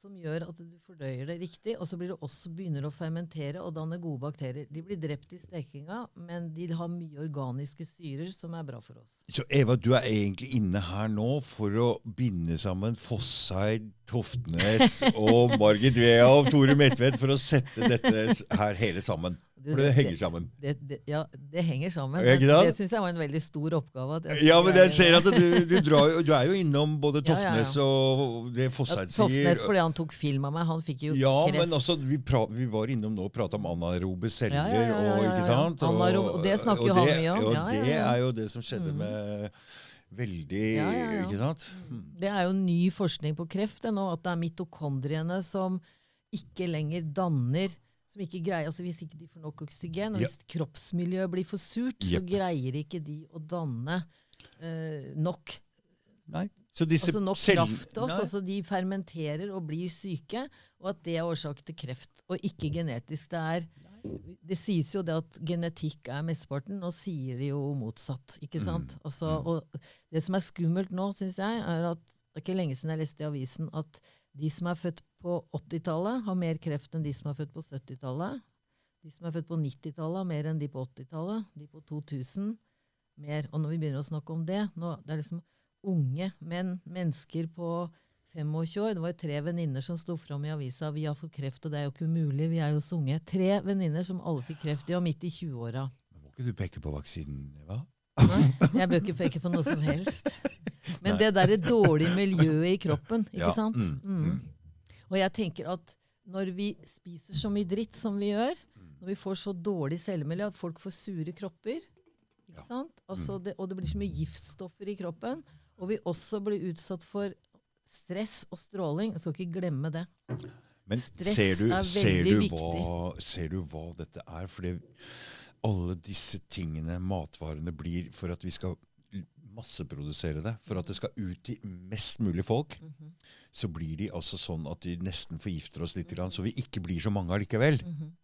Ja, Det er en selvreguleringsmekanisme på en Ja. måte. ja, Ser du det? ja. Men hvis vi er glad i livet vårt, så, så det betyr uh, de som virkelig setter seg inn i ting, de har en mulighet til å unngå disse fellene. Men de, mens de som gir mens de.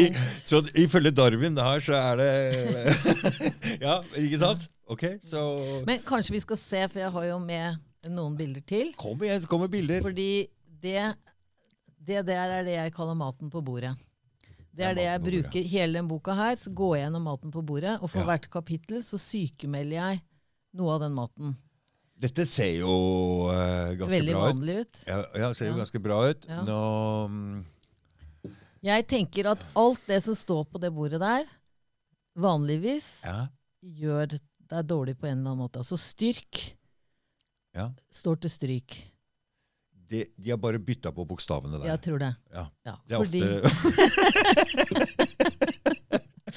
fordi den melka der er Ja. ultrapasteurisert, og så er den fettfri. mm, Og så er den tilsatt ekstra proteiner. mm. Og hvis du først har begynt å reagere på melkeproteinene, og du får de ultrapasteurisert Mm. altså, altså når, Jo mer du pasteuriserer, jo tyngre blir det å spalte opp melkeproteinene. Og når vi nå snakker om Reichelt, som satt og forska på at Ja. barn hadde rester av proteiner fra melk i urinen sin, ikke sant? Mm. så er det jo fordi at man ikke har greid å spalte det i fordøyelsen, og at disse stoffene har kommet ut i blod. Mm. Og jo mer pa pasteurisert, altså jo, jo mer behandla melka er, jo vanskeligere er det å spalte opp disse proteinene. Og da Mm. hjelper det ikke at Tine og matvaremyndighetene ellers sier at næringsstoffene blir ikke endra. Altså fettprosenten, mineral Du kan ikke måle forskjell. Men, men måten det funker på i kroppen vår, blir sånn som jeg ser det forskjellig. Så Så derfor igjen, står den når de, ja, så igjen, når de kommer med en greie hvor de liksom sier den er kjempe, Dette er for dere som trener. Den er kjempesunn og veldig bra. Sier de. Så er det motsatt. Jeg mener Det det. Men, kjempedårlig. men, Ja, jeg, jeg skjønner det, men skal vi spekulere litt i hvorfor fettfri tar- melk eh, har blitt så interessant? ja. Ja, fordi at fett, altså, Meierismør er jo ganske populært. Og for at de skal lage meierismør, så trenger de fett i melka. Oh, jeg har alltid Vet du hva? Jeg, de de, prøver å lure selge. meg til å kjøpe sånn der skummamelk. Nei, nei. Og så, ikke sant? For jeg, men jeg skjønner det. Jeg, vet, jeg ser jo at de har tatt ut og selger den dritdyrt, den der fløta, Ja. som jeg egentlig er interessert i. Ja, ja. Jeg vil Men- ha feitest mulig Men du skal ikke være interessert i den fløta. Nei. For det er matfløte, og den er høypast, ultrapasteurisert. Men jeg tar den, jeg tar den oransje. Kremfløtta, ja. Det er den jeg tar! fin. Det er den jeg tar, men jeg vet, Den jeg har er bare fin. lært av en eh, dame jeg var sammen med. Den, det er den du skal ha, men jeg har aldri visst helt hvorfor. Å ja, men det var riktig. Fordi det er fett. Det er jo masse forskning, særlig Sverige, forska veldig mye på at de som Så det var det som var forskning. Jeg har aldri skjønt hvorfor jeg skulle ta den. Jo, jo, Men hun sa det er den oransje, så etter det har jeg bare tatt den. Men det er jo egentlig feil, for den er egentlig bare til eh, Hva er det den er til, egentlig? Bare til å fiske fløte med, eller hva er den til? Nei, det er veldig mange som bruker skummamelk og den istedenfor helmelk hvis du først skal ha melk, fordi at da får du ikke den homogeniserte. For verken fløten Haha. Det ødelegger piskeegenskapene Ja. hvis du homogeniserer fløte. Ja. Og da, ikke sant, det rista i stykker. aha, aha. Så Så, hvis- den er ikke behandla? Den er ikke homogenisert, den er pasteurisert, men ikke homogenisert. så vi, det er et lite smutthull der som Fy fader, de okay. Men derfor så, så matfløte Ja. og, altså, Jeg er en av de som tåler dårlige melkeproteiner. Og hvis jeg blir invitert på lammesteik med fløtegratinerte poteter Det går Ja. helt fint, for fløte går bra. Den er ikke homogenisert, og den, den er grei. Mm. Men så, hvis jeg da blir dårlig, så ringer jeg og så sier jeg, du, var det bare fløte i den de fløtegratinerte potetene? Ja, jeg sa jo bare fløte. Ja, hva slags fløte da? Jo, matfløte, selvfølgelig. Ja. Jo, tusen takk. Det fikser ikke mitt system, ikke sant? Nei. Fordi at de proteinene er mye tyngre fordøyelig enn de ordentlige fløteproteinene, for å kalle det det. Men det er bare ett eksempel. Og det Ja. fins masse sånne eksempler. Men, Men, er det forskjellig pris på det? Nei, det er ikke nei, det engang. Det, nei det, er, det vet jeg ikke. Det, jeg har ikke sett på det, for jeg kjøper det aldri, så det kan jeg ikke svare deg på. Nei, nei. Men ikke sant, da har vi vært gjennom styrken og fløten, og hvis Ja. vi skal gå gjennom all den maten, Jeg så må vi ja, sitte her er til midnatt, så det gidder eh, vi ikke. Brød har vi også snakka Den Det der er om. lettmajones. Lettmajones er veldig uh, ta, er tilsatt masse fortykningsmidler, uh, mer enn de andre. Den Ja. har eh, mindre fett som det skal være, hvilket er bare tull, for fett blir vi sunne av. Vi skal spise Det er motsatt igjen. Så vi sier at ikke spis fett, for da blir du feit, men det er jo ikke Nei. Det er motsatt igjen. Når du spiser lite fett, så skal du jo ha et visst antall kalorier. Da hender Ja. det, eller da ikke hender det, men da spiser vi ofte mer karbohydrater isteden, og det er det du blir feit av. For det omdannes til sukker i cellene. Nei, så, så, fett så i igjen cellene. så blir det litt motsatt. Altså, Ja. Vi prata litt om, oppå om det i stad. Vi tre som sitter her nå, vi har aldri slanka oss. Og vi kan spise så mye vi vil, og eh, vi klarer ikke å legge på oss. Det, altså, det har noe med forbrenning å gjøre. Noen har bedre forbrenning enn andre. Det er Ja. helt klart. ikke sant? Mm, Men mm, mm. men, men men ofte så kan seg- det slankegreiene Ja. slå andre veien, fordi Ja. det sier til kroppen så, så igjen, så man gjør en ting, eh, Mhm. og så slår det motsatte veien. mm. jeg tror du kan snakke med omtrent alle de som har slanka seg og gått ned mange kilo, så Mm. går de opp igjen. Ja. Du må legge om hele kostholdet ditt hvis du Mm. skal greie å holde på Mm. vekta. Og de Alt som er på langen, ikke sant? ja, de som spiser eh, godt med fett Mm, og grove karbohydrater hvis de velger å spise korn, mm, og mye grønnsaker, mm. og gode proteiner, altså da tenker jeg på egg, kjøtt, fisk, altså rein, reine produkter, Ikke sant? Da får du en, en, en god balanse i, i kroppen. Mm. Ok, så Nå har vi tatt de, de melkegreiene, men la oss gå gjennom litt mer her. Da, Ja, hva har du lyst til å snakke om? Ja, ok, skal vi se. Uh, der har vi også italiensk salat. Det er også den samme. Men Du, her det er vi skal se mer på, Jeg har med noen bilder for å se hva slags konserveringsmidler det er i Tyskland og Norge. Det kan Ja, vi kan ja, se på det etterpå. Det, Det, er veldig gøy, egentlig. Så, så la oss bare si Jeg måtte kjøpe noe kjøtt i stad, og så er jeg litt sånn gjerrig, så jeg pleier å gå i den der 40% på Coop, og der var det ikke noe. Så tenkte jeg, hva skal jeg kjøpe bare noe, jeg gidder ikke å kjøpe Så jeg bare kjøpte kjøttpålegg. Mm. Og det er Det er mye nitritt i. ikke sant? det er dårlig kjøtt. Du, hvis du skal kjøpe kjøtt, kjøp uh, kjøttstykke. Mm. Ikke sant? Eller en fiskebeta eller sånne ting. Men ikke behandla på den måten der som, en, som pålegg er. Jeg vil si at Les på innholdsfortegnelsen, og så ser du hvor mange ting det er i det kjøttet. Der er det veldig mye smaksforsterkere, fortykningsmidler. Gudene veit hva de har i veldig mye. Det er, uh... Og da er vi jo innom det som vi prater om her. De dreper bakterier. Og- Eh, De konserveringsmidlene dreper bakterier. Og Ja. fortykningsbakterier, nei, fortykningsmidlene Mm. har det jo vært mye snakk om i det siste. Mari. Kolby har jo nå skrevet en bok og annet fått Tine til å slutte å bruke Karagenan, som er et fortykningsmiddel. Dette vet jeg ikke, jeg har aldri hørt om. Nei, Karagenan er egentlig lagd av altså Det er egentlig ikke noe farlig i seg sjøl, men når det brytes ned i tarmen, så kan det lage sår i tarmen. Mhm. Så mange Men hva kan er bli et fortykningsmiddel? Uh, det, det, Vi har emulgerings- og fortykningsmidler. er Og i den Hvorfor, har de lettmajonesen det? Ja. lettmajonesen så er det begge deler. Fordi de bruker vann istedenfor olje. Når du pisker olje, så blir den tjukk. Når du pisker ja, vann, blir den ja. ikke tjukk. Okay, da så- tar du fortykningsmiddel isteden. Ok, Så det er noe som er mykt, som, som de vil Ja. ha til å bli Ja. litt fastere i formen? så justerer de sånn at det okay. på en måte blir Mm. den konsistensen som folk liker. Men det er kun i sånn som italiensk salat eller eh, Alle majoneser og, og, Og- og For å få den ja. konsistensen, Ja. så er det det du, du kaller for Og det bruker de i sjokolademelka for eksempel også, så er det sånne fortykningsmidler. Hvorfor? Eh, Og emulgeringsmidler. Altså du emulgerer ting, da kan du blande vann og fett. Vann og fett liker ikke hverandre, sant? Altså Nei, hvis for du jeg tar har jo proteinpulver oppe og prøver å blande det. Det er veldig sånn detaljer. Proteiner kan du blande ut, men hvis du f.eks. lager en dressing med olje og eddik, Ja. så skiller jo den seg med en gang. Ja, mm, Så hvis du har emulgeringsmiddel i, ja, så kan du få det til å ikke skille seg. ok. Så de bruker det for at vi vil jo ikke ha majones som er gul på toppen og hvit under, og som skiller seg. altså ikke sant? Ja, men igjen så er det det der med homogenisering som gjør at ting ikke melka, ja, men ikke sant, Som ikke er bra, for da skiller det seg ikke. Mm. Og så ser du igjen Mm. det samme emulgeringsgreiene som du prater om her, Mm, gjør at ting ikke skiller seg, Mm.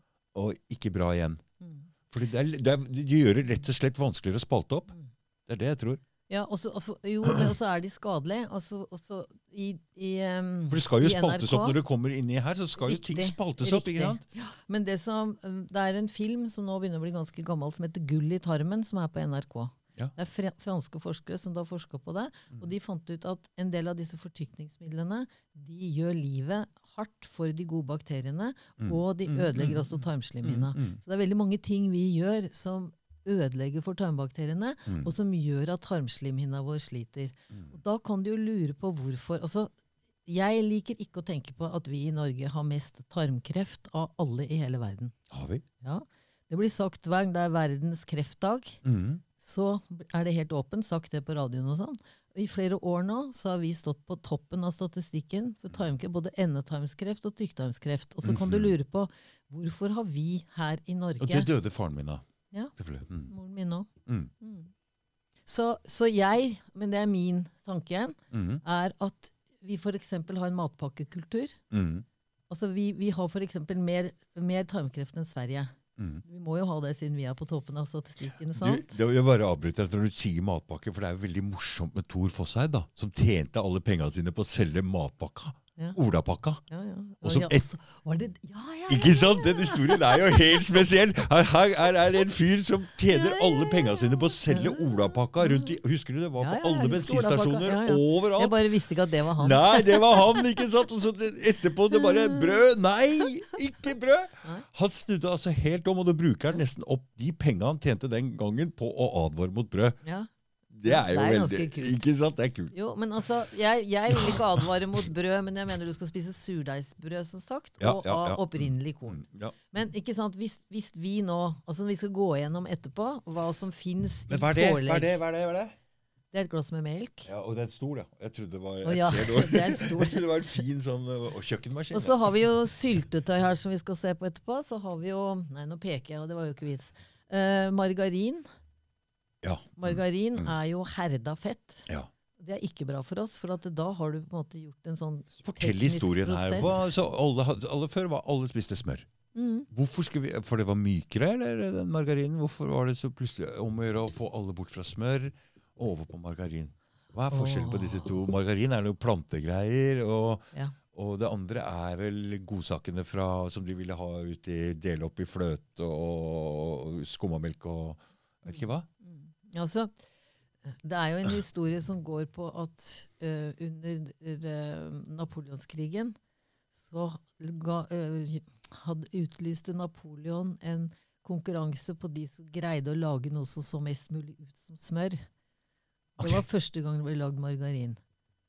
Ja. Og, og jeg vet ikke hva de lagde da, men, men margarin lagd av planteoljer. Altså dette er en sånn lang historie, egentlig, Mm. hvor Ansel Case er en forsker som fant ut at der hvor vi spiste mest, altså i verden hvor man spiste mett, mest metta fett, Mm. var der man hadde mest hjerteinfarkt. For dette her var når hjerteinfarktet virkelig begynte å bre om seg. Mm. Det jeg tror, var, er at det er alt dette eh, hvalfett og den, den type fett vi brukte, som var mykt, som ble herda til margarin, som gjorde at man fikk problemer. For man fikk dette dårlig, altså fullherda fettet, og det er ikke bra for kroppen vår. Det er ikke naturlig. Mm. Derfor er ikke margarin bra heller, for det er hydrolysert, altså det er herda fett. Altså det er oljer som blir gjort kunstig stive. Mm. Og det er ikke naturlig for kroppen vår. Det ville vi ikke ha. Nei. Men han Ansel Case han skulle vise at det var det metta fettet som gjorde oss sjuke. Mm. Så han tok de sju landa av alle de han var i, som lå på den kurven. Men så er det jo andre forskere som har avslørt den etterpå. Da, fordi at de som spiste masse metta fett, Mm. de hadde veldig lite hjerteinfarkt. Og motsatt, de som spiste masse plantefett, hadde Så skjønner du, så, så, så vi kan spise forskjellige ting. Dette har noe med gener å gjøre, evolusjon å gjøre, hva vi er vant til. Eskimoer f.eks. spiser mest selfett. Mm. Når de begynner å spise sånn som vi spiser, så blir de sjuke. Det gjør jo vi òg, da. Men, Du, jeg skal bare si en ting, for jeg hadde inn en lege her, og han begynte å prate om og, og Hver gang jeg har hatt Vi har jo hatt vært så kurs her og der hvor folk kommer og prater om kosthold. Og så Hver gang jeg skal begynne å spørre om det med umetta fett, så bare Nei, nei det er altfor vanskelig å forklare. Bare nei, hopp over det. Men eh, Har så du lyst til å høre men, om ja, men, jeg, men, men så fikk Ja. jeg veldig kort og kjapp forklaring for det, Ja. for jeg har hatt kjemi. mm, Og da veit jeg hva en umetta forbindelse er. mhm. Ikke sant? Det er altså um, sånn karbonrekke bortover med hydrogen. Så hvis det Mm. mangler hydrogen her, så lager de en dobbeltbinding. Det er en umetta forbindelse. Og det er en veldig svak forbindelse. Så det var det som skjer. Det er at uh, de umetta forbindelsene er svake forbindelser som gjør de lager dårlig kolesterol. Det var det han legen sa innom her. Gode metta, for, metta fett uh, lager et bra kolesterol. Fordi den er, eh, Mens en umøtta forbindelse, som er en veldig svak, dårlig forbindelse La oss si at, la oss si at dette er en nødløsning. Fra, for karbonet de lager en dobbeltbinding mellom to karboner istedenfor det de egentlig vil ha. Nødløsning. Dette lager dårlig eh, sånn kolesterol som går i stykker. Som setter seg. Så det var den forklaringen jeg bare tenkte Å, var det så lett? Det var ikke så vanskelig å forstå, egentlig. Det var eh, spennende. Nei, men det vi, altså, vi har det som heter cis-fettsyrer. De går i C. Okay. Det betyr at de har alle dobbeltbindingene på den ene siden. Ikke sant? Ja, det er sant. Det har jeg vært borti i kjemien. Det, ja, ja. det er to forskjellige Så da, når de er bøyd, Ja. så blir olja flytende. Aha. Når du da tar og gjør sånn at disse fettsyrene blir karbonrekka blir tett med dobbeltbindinger altså hele veien Ja, ja, Du, får. Det er dårlige du får hydrogen på begge sider, ikke sant? Altså Du spalter opp dobbeltbindingen så du får hydrogen på begge sider. Da blir det rett. Og da blir det stivt. Da kan du pakke det tettere. Rette ting kan pakkes tettere enn det som er krøllete. Ja, det, det, det, det, det, det, Og transfett, som vi hører om, som, som, er, eh, som er det mest skadelige, da er det sånn halvherda, sånn at da blir det sikksakk. Ok. Mm. Sånn at det blir trans, altså at de dobbeltbindingen eller de hydrogenmolekylene bytter plass rundt karbonkjeden. Altså det blir verken C eller rett, det blir sikksakk. Ok. Det er det mest skadelige. Men dette er jo sånn teknisk fettsyregreie, da. Ja, ja, ja. Men, eh, men margarin er herda på en kunstig måte, mm. og er ikke bra for våre cellemembraner. Metta fett er dyrefett. Vi har også dyrefett i oss. Mm. Og det at Ansel Case fikk til at det var sånn. Ikke sant? Og da ble det fetthysteri som kom på 50-tallet. Mm. At, at metta fett gjør at folk får hjerteinfarkt. Og det har hengt igjen helt til nå. Og så har det hengt igjen helt til nå, og veldig mange professorer de vil ikke eh, Forandre det. Nei. fordi De, er- henger veldig fast i det. Ja, det men når du har satsa hele vist, ja, men det, ja, ja, Men det er vist så mye nå at Mm, mm. metta fett ikke er skadelig Mm. for oss. At det er mer de, eh, altså Det har man visst hele tiden, at transfett er skadelig. Mm. Men man sier jo det at disse eh, umetta fettsyrene og de herda eh, planteoljene skal vi godt spise. Det sier jo matmyndighetene våre. Det har vært morsomt å gått gjennom en sånn historie fra han derre Case, eller hva, Mhm, liksom, mhm. som gjør det der på 50-tallet, og hvordan den Ja, teorien Mm. utvikler seg til å ta over hele greia og er på vei til å Mhm. slippe nå etter 70 år. Ja. Hæ? Du, ja, Hvorfor, og hva er det som gjør det? Hva slags krefter er det som spiller inn? For kommer de som produserte billig um, oljer, kanskje, som hadde veldig lyst til å få solgt oljene sine, som lagde margarin, Ja. solsikkeolje, soyaolje, Mm. for eksempel. ja, men, ja. men det, Sukkerindustrien. Dette har jo ødelagt for veldig altså Det har jo Ødelagt mye for skade. mye. Ikke sant? Ødelagt for veldig mange mennesker. Men det, Med feil si- opplysninger sånn. Ja, men jeg har ikke vist Men nå bør man vite det, for Ja. nå er det så mye forskning som viser det. Ikke sant? Men nå Men roter vi oss inn inn i alle Ja, jeg vet det, men nå fremdeles så henger altså og Mattilsynet og disse igjen henger litt igjen ennå i det gamle. mm. I forhold til Men- fett så gjør de det. Men nå må du Ja. huske på at dette her er en faglig stridighet. Ja.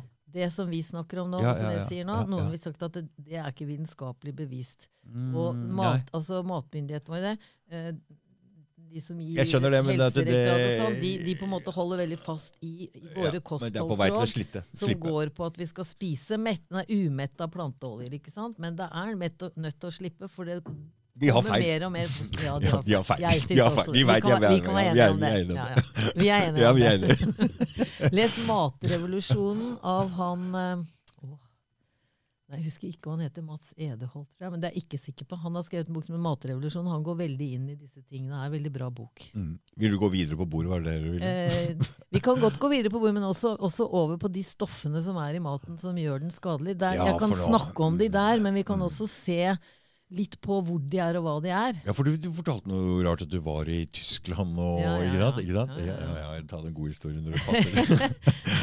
Ta den når det passer. Når den passer Ja, inn. ja nei, den, den passer. Jeg, jeg, vi må huske på den. Ja, vi må huske morsom, på den. Ja. mm. Nei, Vi bør ikke gå i detalj på resten, men jeg tenker at hvis, hvis den salaten og de tomatene og den agurken som ligger der, er økologisk, Økologisk. så er den grei. Men hvis den ikke er det, så inneholder den etter all sannsynlighet sprøytemiddelrester. Ikke sant? Ja, men du mm, Ja, men du Jeg øh, har hatt en sånn litt rar teori om at rot... uh, rot jeg holdt på å si rotfrukter, men det er ikke noe som heter Jo, Rot, rotgrønnsaker. ja, ja, rotgrønnsaker, ikke rotfrukt. Rotgrønnsaker de eh, blir jo ikke sprøyta, altså, men eh, så, Du sprøyter gresset, det går ned i jorda. Ja, Det er jorda vi skal behandle. Det er jorda som blir sprøyta, egentlig. Altså Insektmidler er på grønnsakene, men det går også ned i jorda og ødelegger mikrobene ja, i jorda. fordi jeg har jo drivet dyrka noen greier. altså Fikk vi sånn lusinfeksjon der for utenfra, så måtte putte noe ned i bakken som heter rogor. Okay, Du teller hvitløkfedd nedi. men i hvert fall det blir jo tatt opp av planten, så hele planten blir giftig, så all lusa dør. Mhm. Så jeg tenkte at disse plantene bare tar opp disse tre Disse tre Du vet åh, ja. Mm. Disse fem stoffene som er i plante... Sånne næringsgreier. Men det gjør det ikke. De tar opp alt mulig ikke sant? Og, og ut gjennom der. Så det hjelper ikke om de gjemmer seg under bakken. De, Det blir kjøpe i Det blir tatt opp du, i selve Ja, men når vi spiser, Ja. så blir giftstoffene tatt opp i vår tarm. ja. Plantene, altså det som skjer inni vår tarm, er akkurat det samme som skjer i jorda med planterøttene. Det er bare at plantene har eh, tarmtotten utapå. Altså de har rothår utapå Ja. Mm. som kommuniserer med jorda og Mm. mikrobene i jorda på samme måte som Grunnen vi kommuniserer trodde, her. så grunnen til at jeg trodde at det var sånn, fordi at jeg prøvde å kjøpe noe gjødsel og sånn, og skulle prøve å kjøpe um, fosfor. Mhm. Og så viser det seg at den eneste måten å kjøpe fosfor løs på, eller en av de letteste måtene på felles, det felleskjøpet, var at det var eh, eh, fosforsulfat. Mhm. Det er jo mye mer svovel ikke sant, enn det det er fosfat. ikke sant? I fosfor. Så greia var sånn at det, Og vi hører jo om opphoping av giftige salter og sånn. Det betyr egentlig at du gir litt feil gjødselblanding, og så er det noe som blir for mye, og som planten ikke klarte å ta opp. Så derfor jeg trodde at planter ikke klarer å ta opp annet enn det den trengte. At det ble liggende noe. Men Den sånn. tar opp giftstoffer, og den, den blir jo ødelagt av det. mm. Mm, Men akkurat sånn med, med den type gjødsel har jeg overhodet ingen greie på. nei, nei, nei, nei, nei. Men altså, det er jo en kjent sak at eh, hvis man dyrker noe over lengre periode og driver med kunstgjødsel, så blir det for mye, blir det en opphoping av giftige salter i jorda. Ja.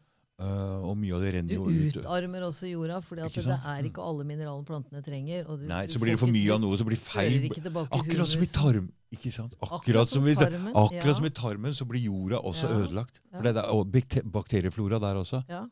Og du ødelegger er mikrobene i jorda. Ja, men du er ødelegger mikrobene i jorda, og da greier ikke plantene Nei. å lage Altså, plantene lever jo altså, jo, jo, jo bedre jord du har, jo bedre planter får du. Mm. Og hvis plantene bare får kunstige mineraler, så greier ikke å ikke ha mikrober i jorda, så Mm. greier ikke plantene å lage disse biotilgjengelige for oss. Så når vi spiser de grønnsakene, så kan Ja. det godt hende det er Det er de samme. alle samme mineralene i det. Men vi får ikke tatt opp det, fordi at de er ikke biotilgjengelige. Plantene gjør det biotilgjengelig, så vi kan spise det. Nå skjønner jeg sammenhengen. Så Det er det samme som er i jorda, Yes. blir det samme inn Yes. i tarmen. Ja. Så vi skal ta vare på jorda. Mm. Ikke bare for at, altså Vi skal spise økologisk, ikke bare for at det er best for oss, men økologisk mat lager god hummus, lager Ja, en ja, god bakterieflora i jorda. Mm. Et jord som har vært lenge dyrka med kunstgjødsel, der fins ikke en meitemark. De ser vi. Og når du ikke har meitemark i jorda, så har du heller ikke andre mikrober i jorda. Og de andre Den er lager jo luft, små. egentlig. Ja, ja, ja, den lager huller og luft og oksygen og veldig bra. ikke sant? Mm, mm. Så det er faktisk veldig viktig, det òg. Det er jo en, en, en helt annen diskusjon, men man kan Nei, men det, altså, dette hører jo henger sammen, men uh, mm. OK. Yes. Hvor er vi, vi på matbordet Nei, ditt? nå, eh, vi, vi, kan godt, vi kan godt gå vekk fra det matbordet. Ah, ja, ja, ja, men du vet, her er det innpakning, her er det Ja, syltetøy med konserveringsmidler og er sprøytemidler og hvitt sukker Ja, nå var jeg først var innpakning, for det vil jeg si nå. For jeg hørte en podkast på Joe Roger hvor hun dama prata om plastikk. Mhm. Og at det ødelegger testosteronnivået til menn. Ja. Og det. Det, altså det går inn til og med i neste generasjon. Og vi blir plastikk... Eh, vi- vi blir plastifiserte fra vi er små. Det er tåtesmokker, det er eh, flasker Det er fla plastikk. All mat er pakka inn i plastikk. Og ikke nok med det, men den plastikken ødelegger havene. Den Ja. ødelegger alt. Hva er, det, hva er dette for noe Så vanskelig er det ikke å bli kvitt den der plasten, vel? Få det bort. nei, men, men altså, Få det bort. plast er jo lagd av olje, og Yes. olje er jo giftstoffet for oss, egentlig. Hvis det blir løsgitt fra plasten. Du kan lage hardplast som frigir veldig lite. Det som er det verste, er disse mykegjøringstingene i plastposer. BPA, bisfenol A, Ok. er det veldig mye Så du kan alt? Uh, Nei, jeg kan ikke alt. Men jeg du visste at det, var noe ja, med ja, greier? Jeg har et eget, eget kapittel om innpakning her, for Ja. det endrer hormonbalansen vår. Aha. Og BPA, som er bisfenola, A, som er mykgjøringsmiddel i plast, som, som jeg sa, Ja. og også er inni hermetikkbokser, og som også Og ligger er som et sånt lag Ja, ja. inni hermetikkboksen, så ikke Ja. metallsmaker skal komme inn i maten? Kanskje ikke i ølbokser. Jeg har liksom spurt noen som har prøvd å brenne ølbokser, og de sier at de, de bare smelter, liksom. De begynner ikke å brenne, og da betyr Nei. det at det ikke er plastbelegg i de. Men du mener det ligger et lite plastbelag Ja. inni f.eks. tunfiskbokser, ananasbokser, sånne ting? Mm. Og, og, og også i sånne pappbokser. Ikke sant? Når det er kikerter og bønner og linser i de plastboksene. Ja. Hvis de er produsert i Sverige, som Englamark er, det er jo det økologiske produktet til Coop Ja. altså det her jeg skulle, hadde jeg skulle sjekke lenge, men jeg har ikke fått gjort det. For i Sverige er det forbudt å bruke BPA. Bisfenol A. For nå er vi inne på noe Men greier. i Norge er det tillatt. Mm, ok. Så hvis disse boksene til Englamark er produsert i Norge, altså produsert et eller annet sted i Norge for Englamark, Mm. Så er det kanskje bisfenol A i det. Hvis det er produsert i Sverige, skal det ikke være det. Men det, dette vet jeg ikke. Dette er bare ting jeg skal finne ut av. Nei. Men bisfenol A er i mye, og bisfenolftalater det er lignende stoffer. Og i 2014 hadde Folkehelseinstituttet en undersøkelse hvor de var rundt i masse hjem og tok spyttprøver og tok ting fra vinduene til folk sånn for å finne ut hvor mye bisfenol A folk hadde i seg, Mm. og hvor de fikk det fra.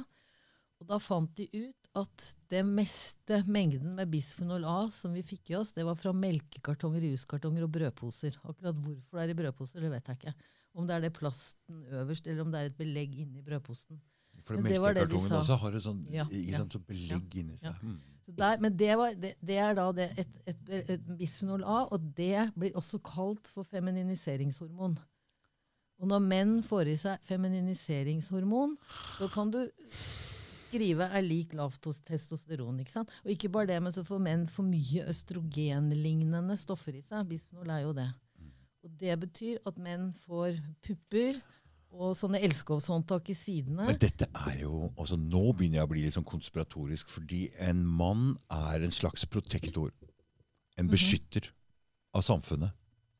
Ja. Og når samfunnet blir femininisert, Mhm. så er det lettere å gå inn og få eh, tatt over den nasjonen, den stammen, den nasjonen, eller hva som For det vi ser nå, er jo en slags inn, Alle nasjoner blir på en måte tatt over av en slags internasjonal eh, overstyring. Mm. Og det passer jo veldig godt inn i her at all form for nasjonalisme Og en kjønnsnøytralisering, ikke sant? Ja. Vi driver med Mm, det nå. mm, Det er veldig greit å skifte kjønn. Det er veldig greit å ikke vite hvilket Men vi ser jo man er. at all, all mannlighet altså Nå er det jo sånn at de eh, feministene, eh, noen av de er egentlig litt maskuline i måten å være på. Fordi de er en slags eh, beskytter altså Noen av de er jo lesbiske og er eh, den, på en måte litt mannlige. Men nå får vi altså de blir nå, Den mannlige delen blir nå angrepet av menn som er damer. Ser du det? Det er så spesielt som det er! Ikke, ikke, la oss ikke gå inn nei, i den. Men det, Men, det er veldig spesielt. ja, men det er Så det sånn virker som det mannlige Ja. blir, blir angrepet på alle kanter. da. Ja, men det er i hvert fall sånn at Og dette her er ikke noe konspirasjonsteori at bisfenol A er feminiseringshormonet. Det kalles det. Mm. Ja. Det kalles også et obesogen. Det betyr at det gjør folk feite. Obis. Ja, For det er jo også en ting at damer har jo Hvis vi kjenner på den huden her som er hos menn, så er den mye tynnere. Vi har to sånne underhuder. to, to, to, to lag, ikke sant? For det, det er lettere å legge på seg som en dame, fordi ja, dere skal jo ha dette fettlaget i tilfelle det blir noen unger og noe greier. ikke sant? Ja. Ikke sant? Så, Vi er forskjellige biologisk, ja. og, og, og det er det som er med innpakninga, ikke sant? Mm, dette er og- veldig spennende område. Ja, jeg syns det. Mm. Og det er en, en eh, forsker eh, jeg, husker ikke hva hun heter, men Mm. jeg leste en sånn artikkel, og den var ganske morsom. For hun var forsker og forska i plastikk. Ja. Og så satt hun på en bardisk og bestilte seg te. Ja. Så fikk hun te i sånn um, pyramide vet du, som er i plast. Mm. Og så helte de kokende vann over, og så Ja. tenkte hun hm, jeg lurer på hvor mye mikro- og nanoplast jeg får i meg av en sånn tepose. jeg. Ja. Så fordi hun forska på det, så testa det, da. Ja. Og hvor mange milliarder og millioner, det husker jeg heller ikke. Men du får i deg flere millioner mikroplastbiter og flere milliarder nanoplastbiter av én sånn tepose. Det var helt enormt. Var sånn, Mm. Er det mulig? Men dette er Mm. mikro, og nano er jo så lite at vi kan Det ikke skjønner jeg, men altså når vi Da drikker vi det, da. Stadig vekk. ja. Så får vi jo disse Hva med tarmen her? Jeg vet ikke om Nei, men det ikke sant? ja, Men, ikke sant? Vi skal ikke er si De når vi små at de går rett opp i kroppen. Ja, ja, Men de, okay. de endrer hormonene våre igjen. ikke sant? For Når vi er ser at havet blir ødelagt av plastikk, og vi ser at jorda kan ligne litt på tarmfloraen vår, at jord, bakteriefloraen i jorda. Ja, ja. og det vi spiser, og Ja. at vi kanskje er en hel organisme her, og da ser vi at plastikk er en uting. Alle veit det. Mm. Ennå er de plastikkposene i butikken der, og vi prater klima. Mm. Og ingen er på den plastikksaken. Jeg har jo vært i Afrika. Supre strender. Billig som bare det. Mm. Men du bader jo i plastikkposer! Mm. Hvem vil det, liksom? Mm. Nei. De, fordi de bruker stranda som, som søppelkasse. De bare legger det der, så kommer tidevannet og bare tar det med seg. Mm. Veldig praktisk, men altså, det har sikkert vært fungert bra før i tida, men ikke nå. Er det for mye. Nei, men det er jo en, en annen diskusjon. Men det er, det er veldig viktig. Det er Mm, kjempeviktig.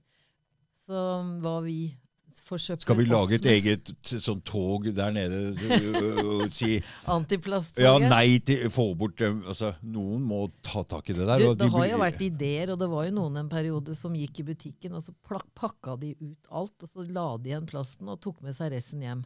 Så hvis vi hadde en aksjon hvor alle mennesker en dag gjorde det, gikk i butikken og ikke ville ha med seg noe av plasten hjem, så kunne det jo blitt ganske morsomme plastberg som går Ja, i butikken. men hva er det du skal ha med dette hjemme i da? Leverpostei, liksom? Du må ha med deg, du må ha med deg plastposer. Jeg må nesten Nei, For det er vanskelig vanskelig å finne glass. Jeg prøver ja, å lagre mest mulig glass. Du ser glass. hva slags flaske jeg uh, har her. Ja. Mm. Ikke sant? Destillert vann med, i glassflaske. Ja, ikke sant? Mm, mm, Veldig bra. mm, Ja, mm. Men du, nå, nå har jeg veldig lyst på så Vi kan snakke masse om det der. Og som sagt så er hele den boka er faktisk å gå gjennom den maten på alle måter. Fra ja, ja, ja, ja, ja. sprøytemidler, tilsettingsstoffer, okay, okay. Kom igjen, kjør videre. Shit, altså. Så hvis du tar neste bilde nå, som jeg mener er um, sprøytemidlene Ja. For det jeg pleier å si, er det en, et, et lekkert fruktfat eller en giftbombe? Nei, altså, det er jo fine farver og sånne ting. Ja, men vi Mm. spiser det der veldig ofte. Mm. Og når jeg begynte virkelig å jobbe med det her, det var i 2013, Mm.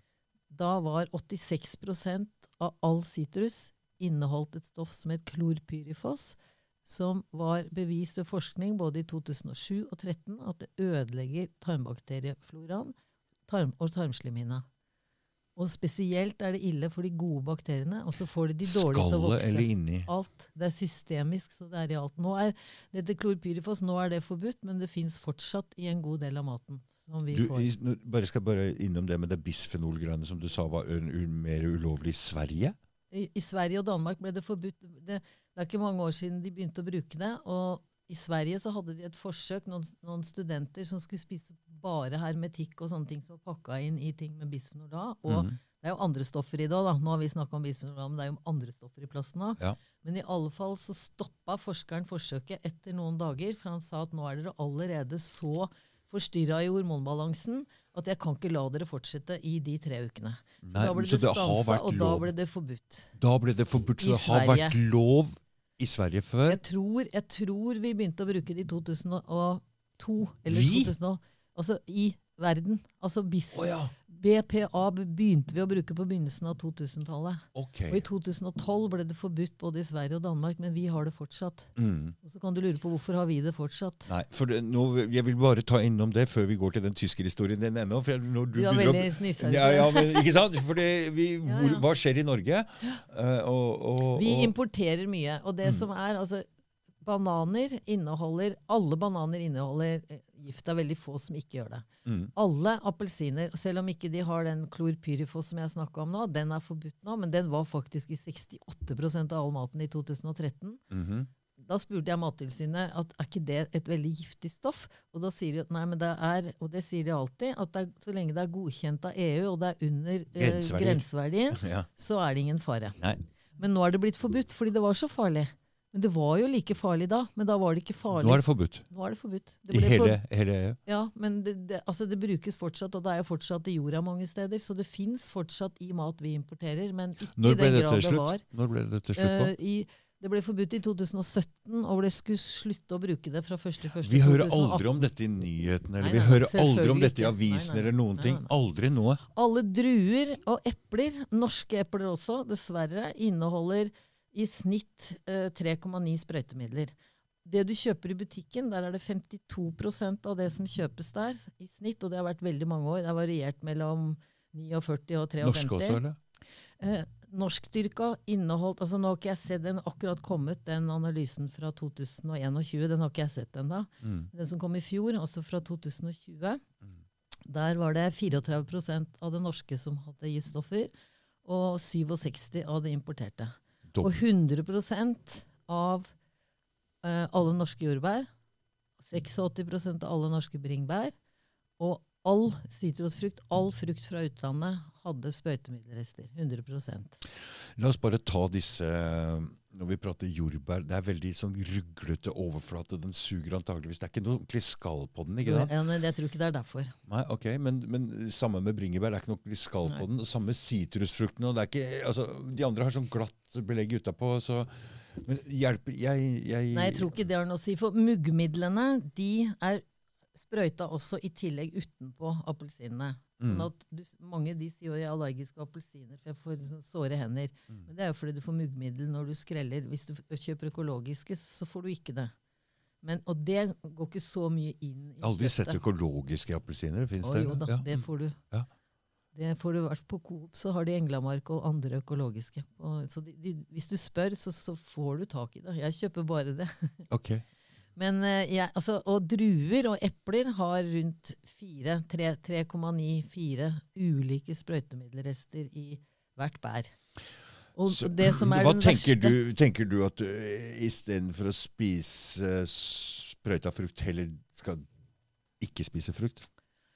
Uh, altså, Jeg mener jo at vi sikkert kan spise noe av og til, men det er jo F.eks. insektmidlene er jo der for å drepe mikrober, ikke sant? Mm. Og de er der, og det gjør også at immunsystemet til frukten blir dårlig. sånn at Mm. og Da får du lett oppvekst av dårlige bakterier på frukten, akkurat som vi får i vår tarm. Så jeg, altså og Personlig så kjøper jeg aldri, aldri ikke frukt som ikke er økologisk. Men det er jo spesielt. Men siden jeg jobber Nei, med det, disse- så tenker jeg det vil ikke jeg ha. Disse som, sprøytemidlene som skal ta lus og sånne smådyr og sånne ting, de er jo antakeligvis så sterke at de knekker i hvert fall bakterier. Ja, og det gjør det. Også, nå er det enkelte som har tomater og andre ting, som har begynt å bruke nematoder. Altså det er dyr som spiser dyra du ikke vil ha der. Ja. For Er det ok, eller? Ja, ja. Det er jo helt greit. Det er jo, det er jo naturlig. Det er økologisk. Ja, ja, det er det jo. Ja. Så noen av de vokser jo oppå kunstgjødsel, men tomatene du får fra Jæren Vestlandet, er ofte brukt med nematoder og ikke okay, sprøytemidler. så her plutselig får vi inn en gruppe ti, eh, frukt og sånt som ikke er økologisk, men ikke blir brukt eh, eh, Sprøytemidler på. Ja, fordi mm. de Hvordan dyrkes med finner man disse? Det gjør du ikke så veldig lett. Nei, nei, det er ikke noe oversikt. Står ikke på. Nei, står ikke på. Nei, men det, i hvert fall så tenker jeg at, at Og det er trist å vite at norske jordbær er verstingen av alle ting du får kjøpt i norske butikker. I forhold til sprøytemidler. Mm. Og var verstingen i fjor. Og stangselleri var også veldig ille i fjor. fjor. ja. Så de som juser stangselleri, ja. de burde virkelig kjøpe økologisk, for du gifter deg ved å juse med vanlig selleri. Men, men det som er med det, er jo det at du får i deg litt av det der hver dag. Og det er Mm. klart at, at det gjør noe. Og disse sprøytemidlene Mm. Det er en som heter André Lø. Han har skrevet en bok som heter 'Myten om trygge eh, sprøytemidler'. Mm. The Miss of Safe, of safe Pesticides. Og han sier det at når det er store mengder giftstoffer på maten, Mm. så oppfatter kroppen det som gift og prøver å skille det ut. Når det er veldig lave mengder, Mm. så oppfatter kroppen det som et hormon, og så endrer det hormonbalansen vår. Så han sier det er jo farligere. Og det er det vi nettopp har snakka om, ikke sant? med disse obesogenene. BPA er jo ikke et sprøytemiddel, Mm. men sprøytemidlene kan fungere på samme måte Ligner som BPA. hormon. Ligner på hormonene, Ligner på et så blokkerer det Ja. reseptorene på cellene. yep. Og så blir vi femininisert. Mm, Menn blir mm. femininisert. Ja, ja, Kvinner får overvekt av østrogen, og det er en av årsakene til at, at, at kvinner vanskelig blir gravide. Ikke sant? -hmm. Det er jo det p-piller er, på en måte. Eller?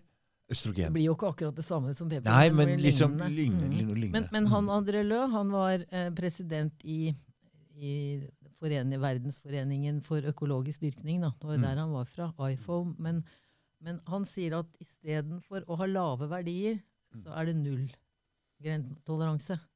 Så han sier jo at du skal ikke spise sprøytemidler. Men vi lever jo i en verden hvor det er omtrent klin umulig. Mm. Men det går an å være bevisst. Og jeg, jeg er vel så naiv at jeg tror at hvis veldig mange begynte å spørre etter økologisk mat Mm. De fleste i Norge tenker at og han Andreas Wahl har jo vært kjempeflink til å fortelle oss at det har ingenting å si om ting er, ting er økologisk eller ikke. ikke sant? I den folkeforvirrings, jeg mener folkeopplysningsserien sin.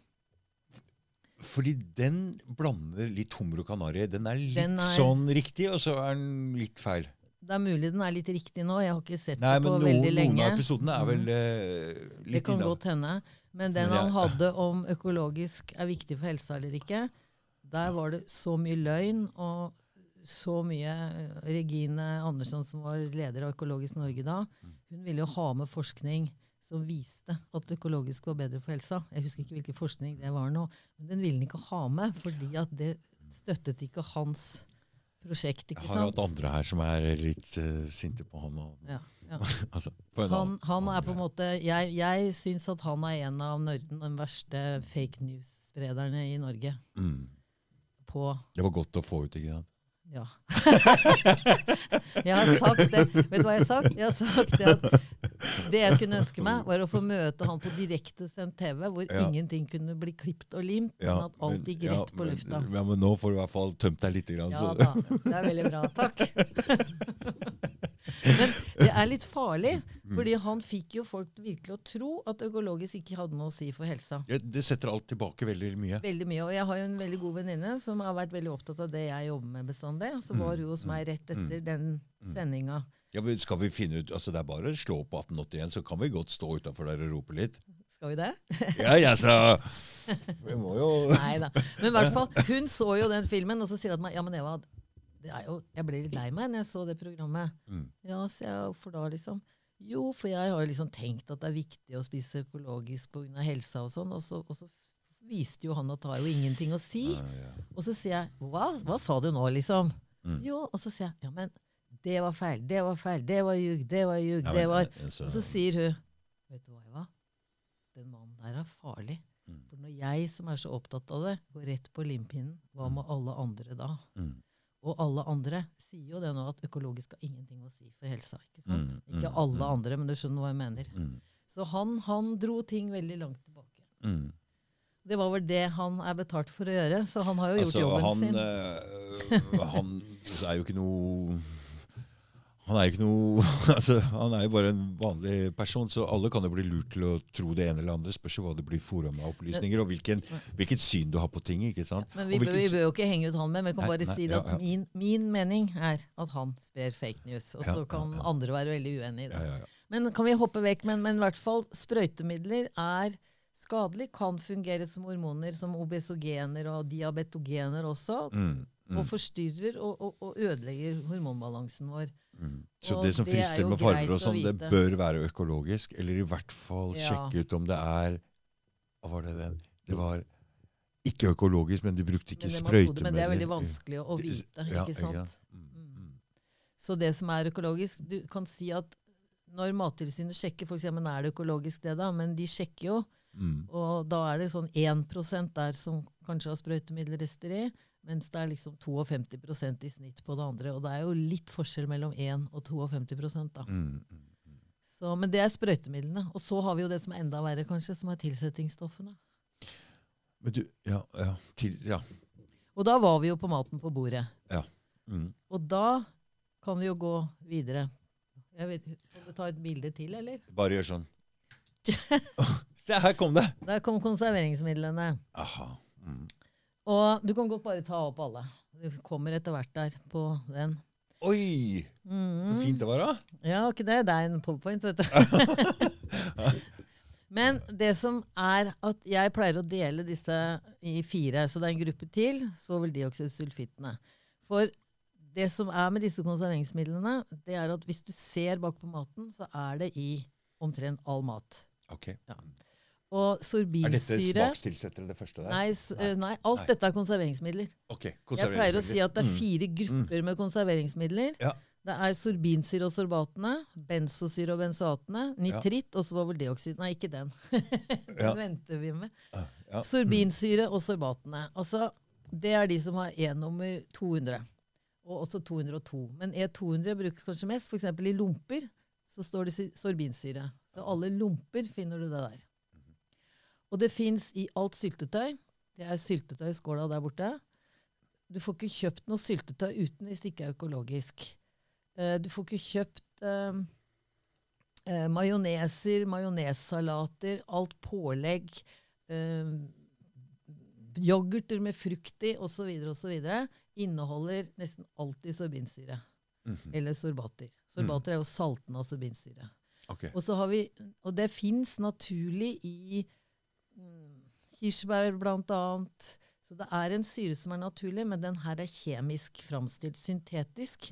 Og så er det bare den. Hvis du tenker deg at kirsebær, da, Mm. inneholder også andre mikronæringsstoffer sammen med sorbinsyra. Da funker det annerledes i kroppen. Her er liksom sorbinsyra syntetisk framstilt og blanda med da sorbat, altså med et salt. Så får du liksom mm, en, en, en kjemisk eh, et kjemisk produkt som da dreper alle bakterier. Mhm. Og så har vi benzosyre og benzoatene. Mhm.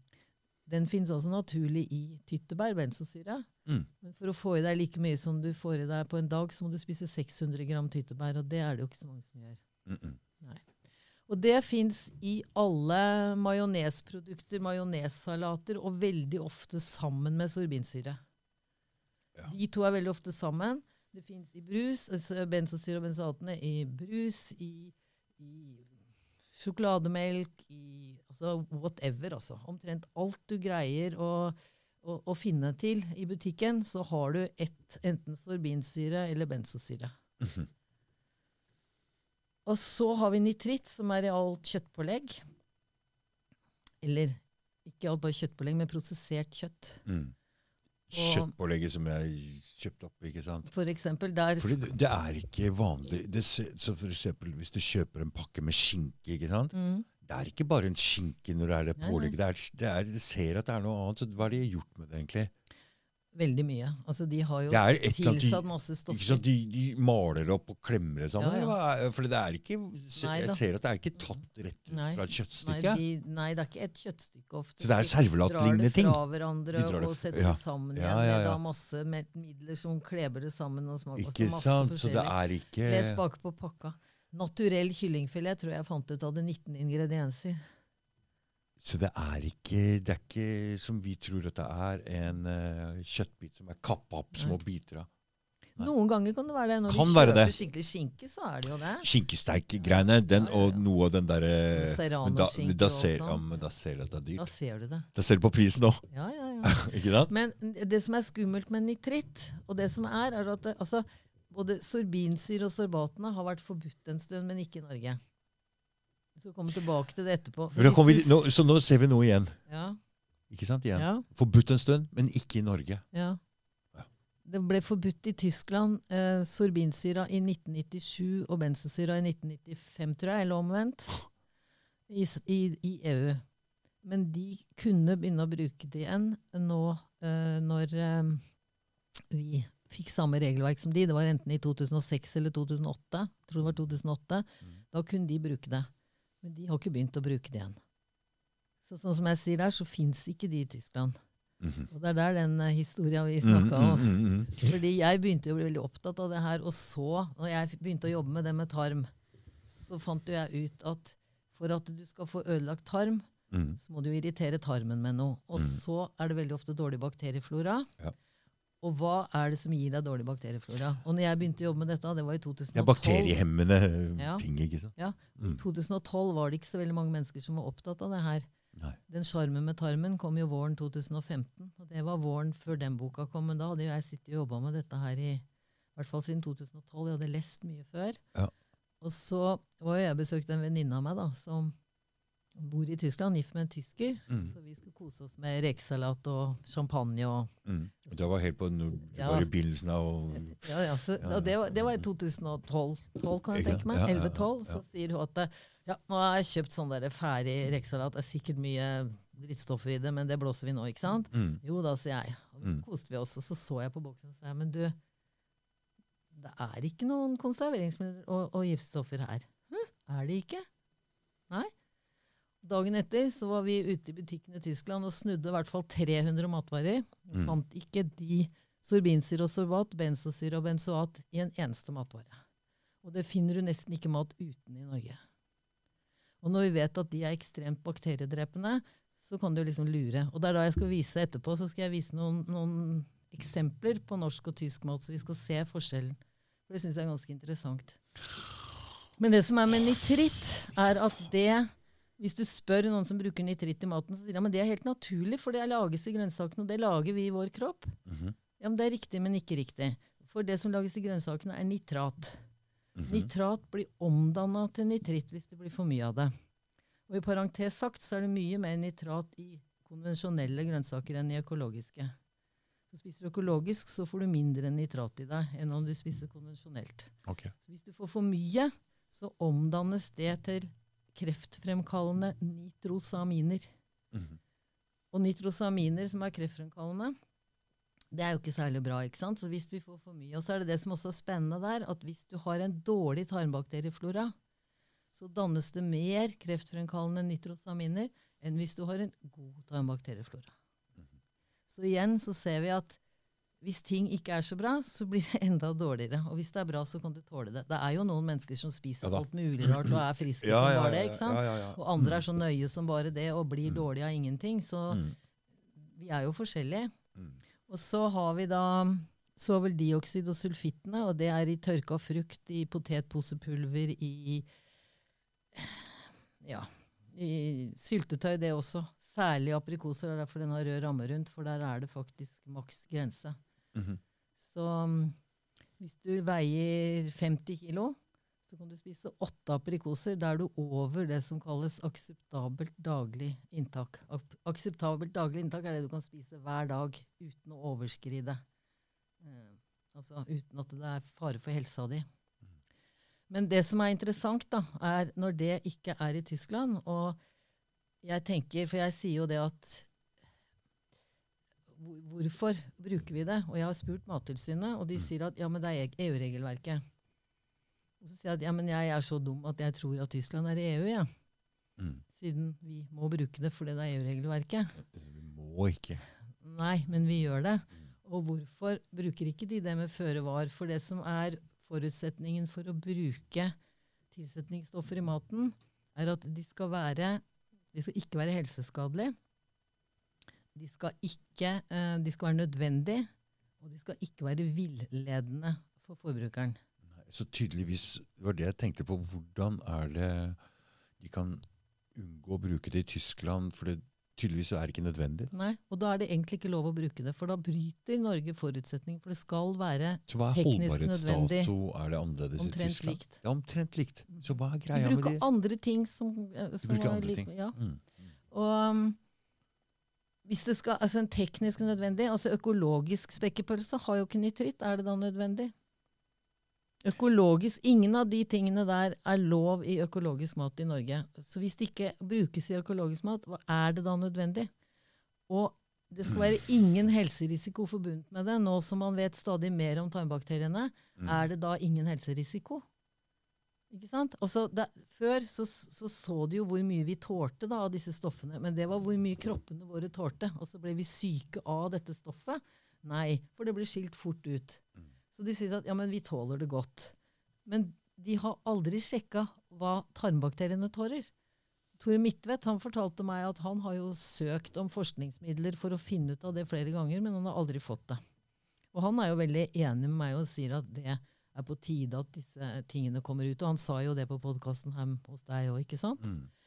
Så hvis vi sier at det skal være ikke helseskadelig, det skal være nødvendig, og det skal ikke villede forbrukeren.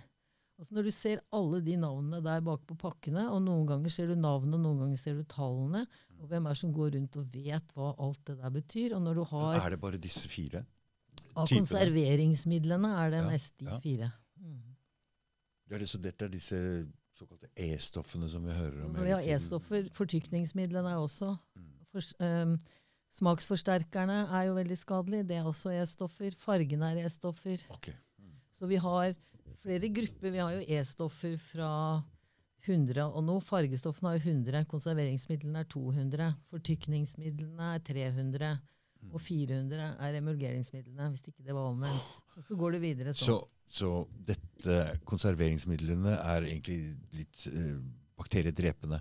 Men disse andre gjør disse andre tingene som også er noe E-greier Hva heter det? Emulgator. Em- Emulgere. Ja, emulgere gjør det vanskeligere å skille ting, og det gjør det vanskeligere vanskelig å spalte opp ting. Så det gjør det vanskelig for bakteriene å Emulgatorene emulgerer, så du får en jevn mm, greie. ikke sant? Altså Ja. du, du blander vann og fett, Ja. og fortykningsmidlene gjør det tykt. Ja. Sånn at du får passe konsistens. Det gjør det vanskeligere for bakteriene å jobbe. ikke sant? Få Det spalta på delt den filmen at det gjorde livet veldig vanskelig for bakteriene. Mm. Så det er en haug av disse E-stoffene som angriper egentlig bakteriene på, en, på forskjellige Bakteriene og måter. tarmslimhinna på forskjellige måter. Og det der, altså jeg tenker sånn, Når maten, den ultraprosesserte maten er det mye snakk om nå, ikke sant? at Mm. den er ikke bra for oss. Nei. Den er liksom plukka fra hverandre, og ultraprosessert mat, da, da, da ser du på en måte ikke hva maten er laget av. ikke sant? Mm. Og, og, og, og så er den putta sammen igjen, og så er den da varma opp og ultrapasteurisert så mye at alt av enzymer og bakterier er drept.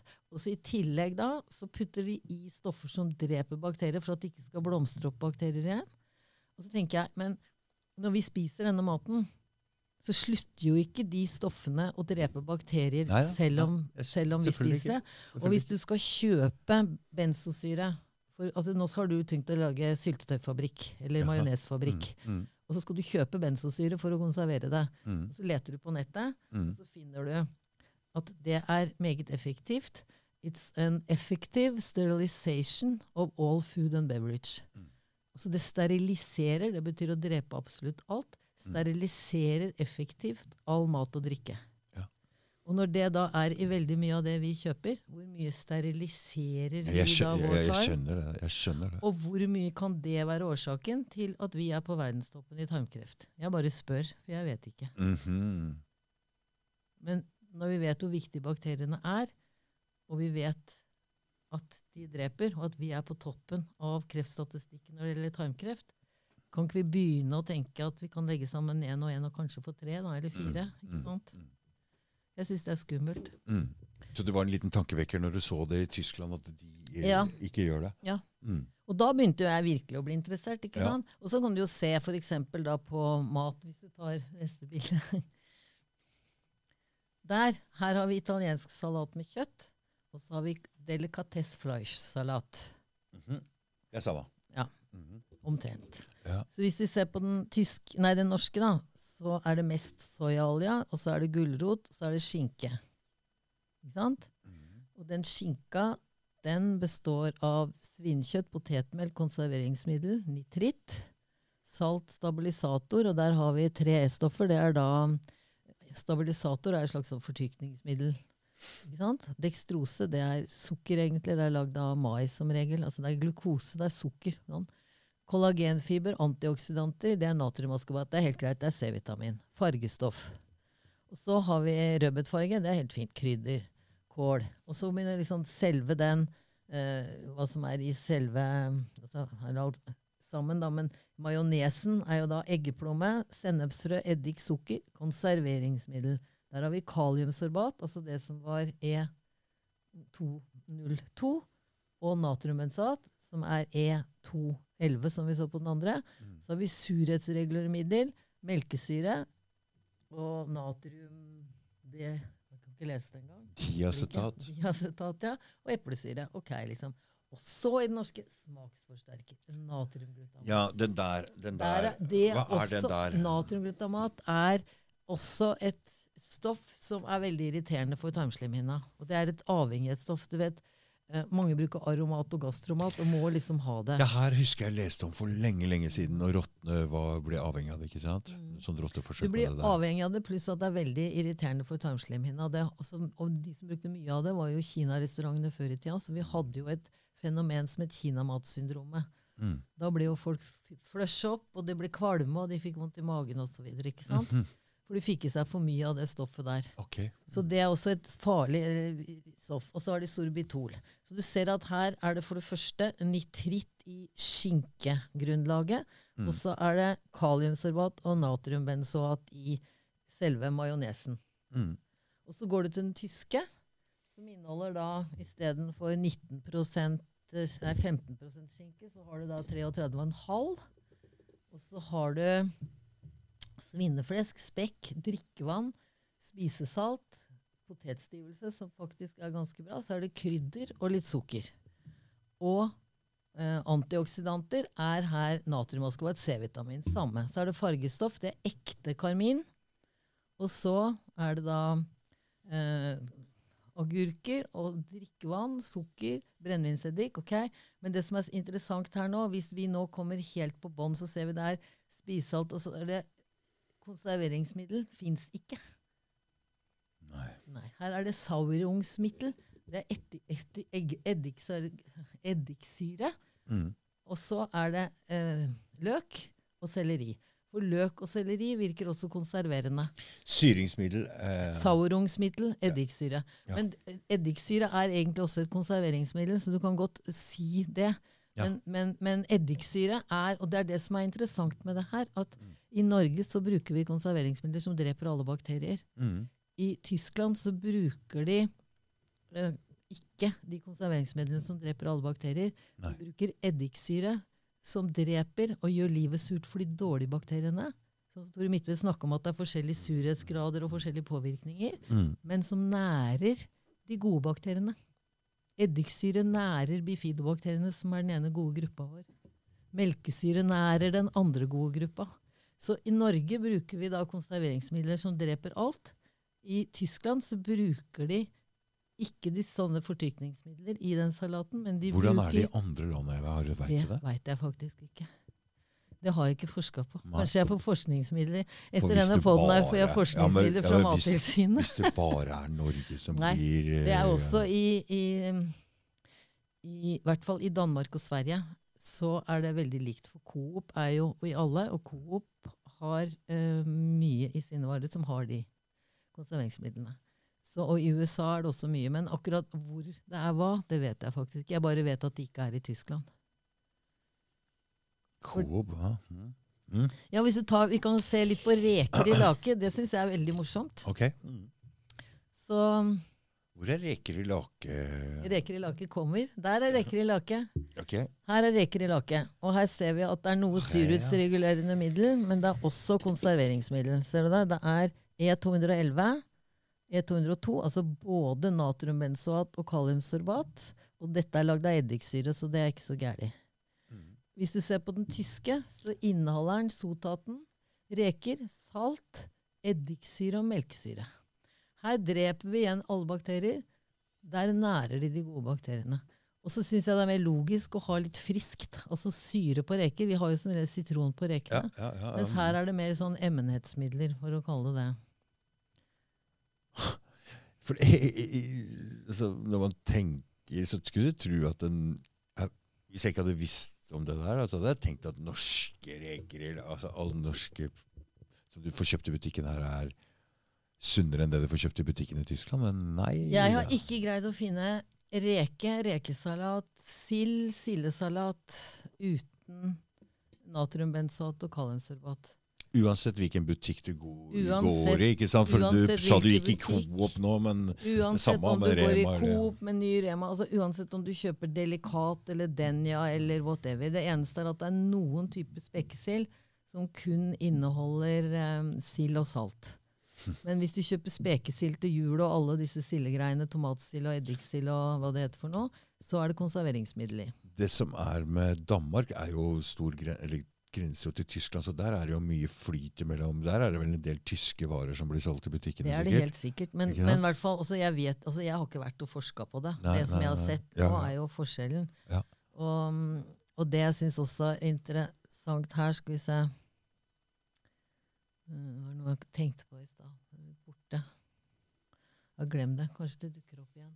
Jo, her, hvis du ser at du skal jo sette opp etter det det er mest av. Altså, her, skal du, hvis, her står det først reker, da skal du ha mest reker. Ja, ja, ok. Mm. Og så går det nedover etter vekt. Mm, mm, mm. Og det som er veldig interessant her, da, at det er E211 først.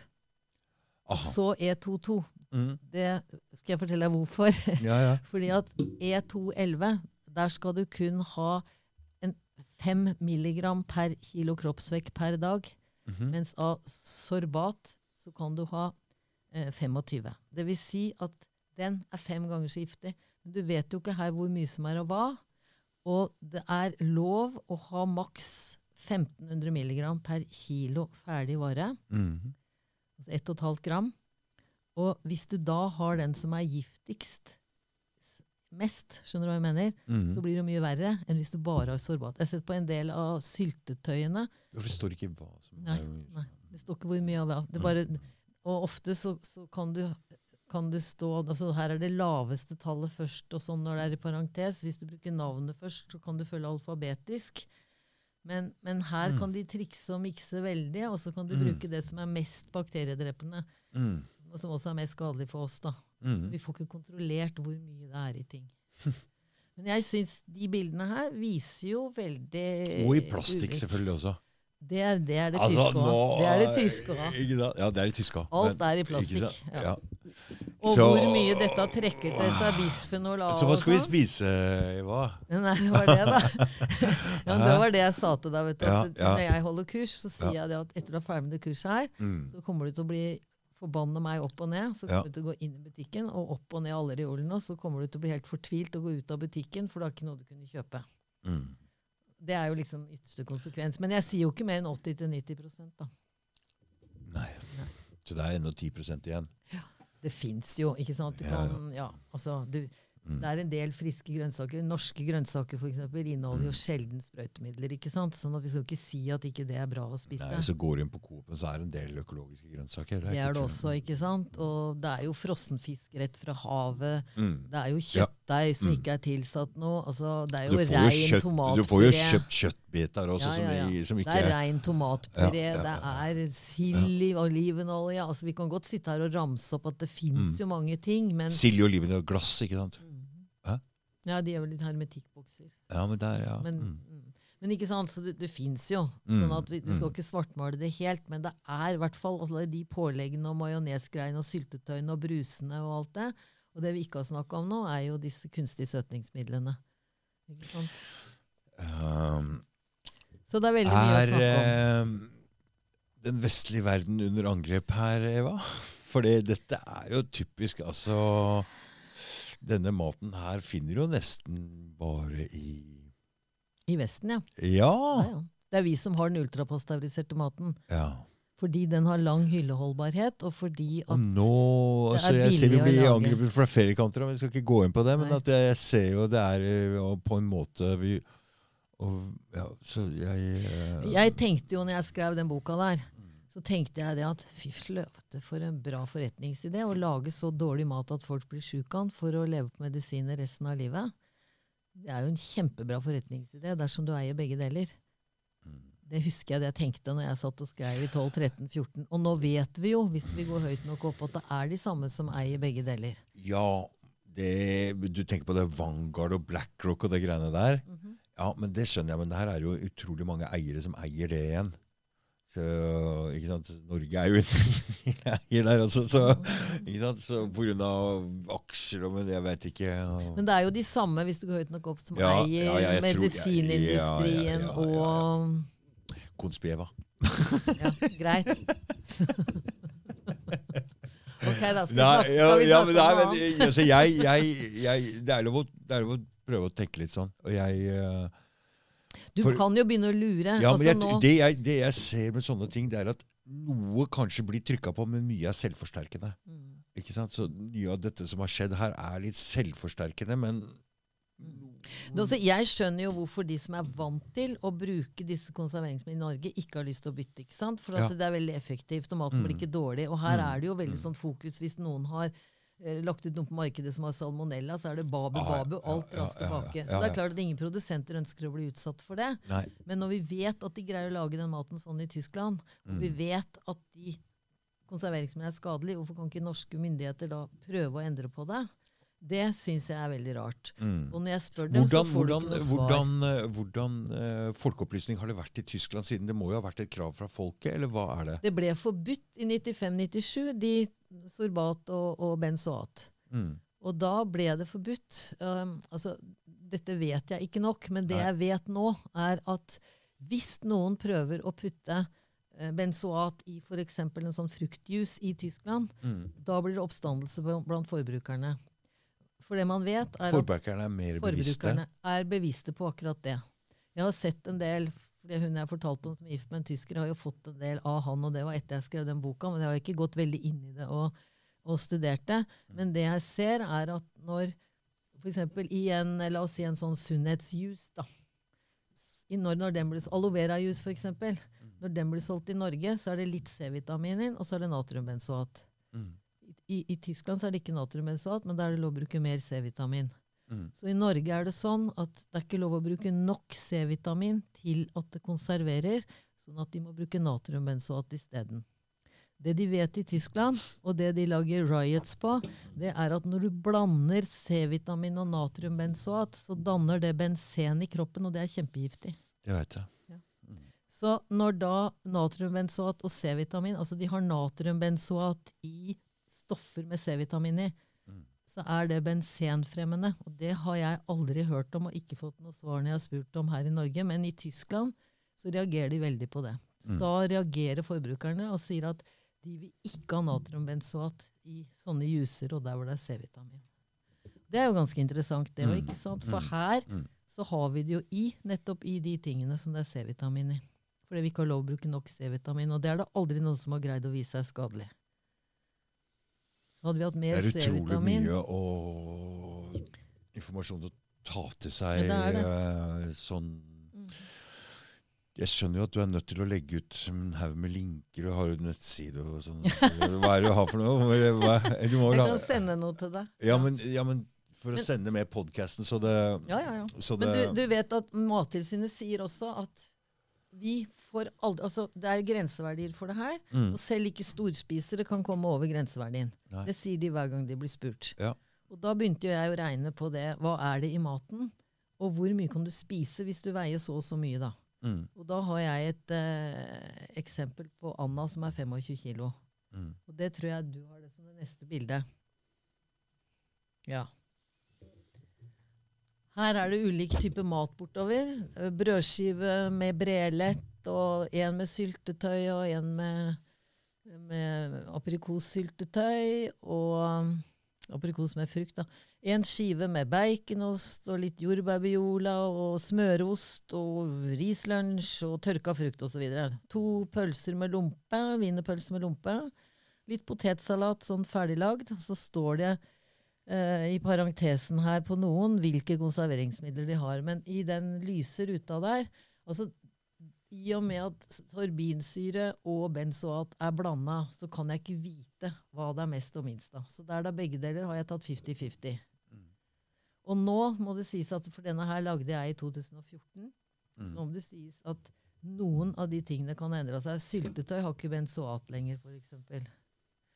Men hvis du ser helt nederst her Mm. altså Vi bør jo ikke se på alle disse utregningene, men du ser de fire gruppene med, med konserveringsmidler øverst. Ja.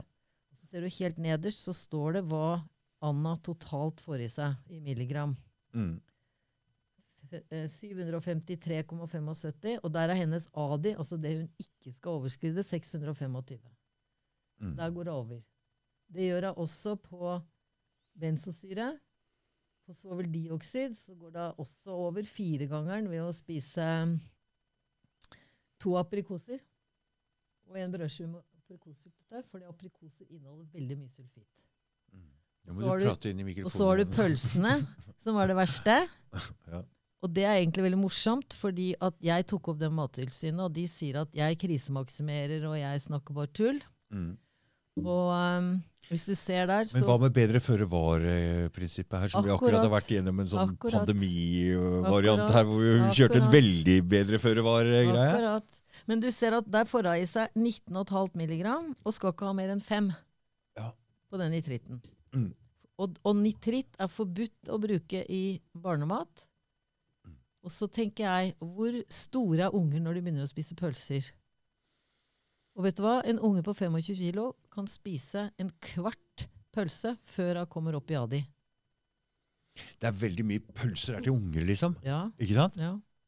Men det som var veldig morsomt, var jo at jeg syns at dette her ble helt sprøtt. For det kan ikke være sånn at en unge kan bare spise 33 gram leverpostei eller en halv pølse, og så overskrider av det som er ADI. Mm. Altså Som Mattilsynet sier, at selv ikke storforbrukere kan komme over ADI. Og nå må jeg regne feil. Nå må jeg regne feil på nuller og milligram og gram og kilo og kroppsvekt og sånn. Mm. Så jeg sendte det da til flere, annet som jobber på Nibio, som jeg har gått på gymnas sammen med. Mm. Og de regna, og svarene kom tilbake. Så det er riktig. Mm. Og så skrev jeg da en artikkel sammen med noen andre i Ren Mat, som er Økologisk Norge sitt uh, blad. Mm. Og da skrev vi om konserveringsmidler, bl.a. nitritt. Og da måtte jo Mattilsynet gi gjensvar. Og da hadde jo jeg fått høre hele tiden at jeg krisemaksinerte og snakka bare tull. Men da fant de ut det at nei, men Fjelstad hadde visst rett, hun gitt. Mm. Rent bortsett fra at hun tok feil. For et barn kan ikke spise 33 gram leverpostei, hun kan bare spise 17. Hun kan ikke spise en halv wienerpølse, hun kan spise en kvart uten å komme opp over ADI. Og det er eh, neste og siste bilde. Der er det Mattilsynet, og det, den artikkelen står i Ren mat nummer, i vinternummer 1819. Et barn på 25 kilo kan spise 17,5 gram leverpostei om dagen, altså i underkant av en porsjonspakning på 22 gram, uten å overskride akseptabelt daglig inntak. Den derre lille, runde Den lille runde kan ikke spise en sånn en engang. Og det er forbudt i barnemat, og det er 25 kilo. Hva da hvis en unge på 10 kilo spiser en brødskive med leverpostei? da? Nitritt, og det er ikke noe krangel om, hindrer oksygenet å bli tatt opp i blod. Ja, Og så kan du tenke deg at uh, når man er yngre, så er man mer mottagelig for uh, ikke, sant? ikke sant? Så det har ikke bare noe med kilosvekta å gjøre. Nei, nei. ikke sant? Men det er, det, det, det, det er dette her som, som har med konserveringsmidlene å gjøre. da. Og så har vi jo snakka om innpakninga. og... Mm. Så nå begynner du å skjønne hvorfor jeg er omreisende i elendighetsbeskrivelser. Ja. Mm. Eller hvis du Nei, putter men, 50 ja, ja. men så, så, så jeg skjønner det. Og det er ikke noen som klarer å sikte mot 100 eh, Ingen. ingen. Det er derfor jeg sier at ok, hvis man er klar over disse tingene, Mm. så bare prøv å sikte mot og best mulig. Mm. ikke sant? Innenfor rimelighetens grenser. Og så er det alltid et lite hakk man kan gjøre noe bedre hele tiden. Litt bedre. Men det jeg tenker, er at nå snakker vi, ikke sant. Vi kan gjøre det litt bedre, hver enkelt av oss. Ja. Men jeg mener virkelig at dette er et samfunnsproblem. Jeg virkelig, Klart mener er virkelig det. at dette Jeg er ikke vårt jeg skjønner, ansvar. jeg skjønner det. Her er det Mm. våre myndigheter som skal fortelle for Ja, produsentene men, men at nå skal vi ha mat som Nei. er bra for folk. Eva, Eva disse foreldrene der, Mm. myndighetene, liksom foreldrene våre, jeg stoler ikke på dem i det hele tatt. Vi er nødt til å ta tak sjøl her. Jeg har mista fullstendig Jeg er eh, engstelig for hva de kan finne på. så Det er derfor vi må det er jo derfor sånne som deg og meg sier at vi må gjøre noe sjøl. Ja, ja. Jeg Vi er helt ikke enig stole i det. det, Ikke sant? Jo, men jeg Mm. mener at vi virkelig skal presse det- på. Ja, jeg skjønner vi det. hører jo Mm. ikke om dette. Hvor, Nei, hvorfor nei, får vi ikke nei, fortalt nei. dette, da? Hvorfor får vi ikke altså, Fordi vi er barn, du vil ikke høre på oss. ja, men på en måte. Ja, men jeg synes det, vet du hva, For å være helt ærlig så Mm. syns jeg dette er veldig trist. Jeg er veldig glad for at jeg begynte å sjekke og jobbe med det. Mm. sant? Men jeg syns faktisk det er veldig trist. Ja. Og når jeg skjønner at, at det her med at du, du kan få ødelagt tarmslimhinna, at det kan føre til både fysiske og psykiske problemer. Og jeg har lyst litt sånn å komme tilbake til han Reichelt som satt og jobba med det og greide å hjelpe så mange barn. Mm. Og nå kan du jo også teste. Nå Lab 1 her i, på Sandvika tester jo fortsatt sånne proteiner i urinen, eller peptider, da. Ja, du kan også lekkasje. teste om du reagerer på blod. eh, Det er også lekkasje. sånne- Ikke sant? Ja, På en måte. ja, altså har du Har du det i blod? Har Har du urin? har du Det er noe lekkasjegreier. er det lekkasje. Mm. Og når vi vet at veldig mange barn blir eh, roligere og får mindre grad av autisme, og mindre konsentrasjonsproblemer, mindre aggresjon Mm. ved å kutte ut de matvarene, Mm. så tenker jeg ofte at jeg syns så synd på mange unger som blir regna for å være Jeg sånne bråkmakere, som mm, kanskje mm. egentlig ikke tåler maten. ikke sant? Ja. Så det jeg har lyst til å si, da, er at Reichelt han satt jo og forska i alle år. Det er jo noen som jobber videre med det er mange som jobber videre med det han jobba med. Mm. Så vi har en forening som heter Mat og atferd. Og det er en forening som nettopp tar opp sånne ting og hjelper foreldre som har barn med atferdsproblemer, og som ja, kan veilede i forhold til å få ta tester og gjøre sånne ting. De gjorde en test inne i fengselet hvor du ga omega-3. altså Jeg tror det faktisk kanskje bare var tran, og det hjalp på, hjalp på Det ADHD og sånne ting. Jo, men det er Mm. også det at, at fettsyrene, vi snakka om det, Mm. um, at hvis du har lite med DHA og EPA, Mm. så dårlig fettsyrebalanse, så øker det også aggresjon. Mm. Og normalen er jo å ha to deler med omega-6. Én del omega-3. Okay. Noen sier én til én. Ja, Ja. noe greier som- Ja, som- omega-3 og omega-6. Men det kastholdet vi har nå, Ja. har 15 deler omega-6 og én del omega-3. Mm. Det vil si at spiser du et vanlig kosthold, så er du i veldig ubalanse. Eva, du må Og- snakke i mikrofonen. Og de, og de, de som har ADHD, har ofte opptil 40 til 1. Ja. Og da greier du nesten ikke å oppføre deg normalt, for da har du ikke de fettstoffene som hjernen din trenger. Så dette er jo også altså, ting, ting er ikke enkelt. Altså, det er ikke bare én årsak. Mm. Nå snakker vi om fettstoffene. Så har vi Mm. snakka om disse proteinrestene fra hvete og fra melk. Så alle disse tingene kan spille inn, og, Mm. og, og noen er det det, og andre er det det. Og dattera til han, han eh, Stein Ja. Lund Halvorsen, ja. Uh, hun reagerte veldig på hvete, ikke sant? Mm. Så, men, men det som er mitt poeng her, er at hvis, hvis noen reagerer veldig og har en atferd som, som er vanskelig, kan du si, da, så går det an å prøve å finne ut om det har noe med matproteiner å gjøre. ikke sant? Altså Det må ikke ha det, Mm. men dersom det har det, så er det noe man kan gjøre. Mm. Og da kan du si disse barna er jo på en måte uforskyldt i at de, eh, at de har det som de har det. ikke sant? De blir vrange, de blir kanskje veldig irritabel, ikke sant? Mm. For eksempel. Men, men hvis det er maten altså du, blir på en måte påført utenifra, da. Mm. Så hvis det er årsaken, så, så er jo det utrolig bra for noen å finne ut det og, og kutte ut det, da. Mm. Sånn som dattera hans som da kutta ut hvete og slipper de angstanfallene. ikke sant? Og sånne, sånne eksempler har jeg sett veldig mange av. ikke sant? Så Ja, ja. for du blir trist pga. barna. Eva. Mm. Du blir trist pga. av Nei, ja, men altså av alle. Ja, jeg Men, skjønner ja. det der. Jeg skjønner det. Jeg skjønner. Har vi kommet igjennom, eller? Jeg vet ikke, Har du noe å spørre om, eller? nei, nei, nei, Mange har av klokka, den går vel veldig? Eh, kvart på ni. Ja.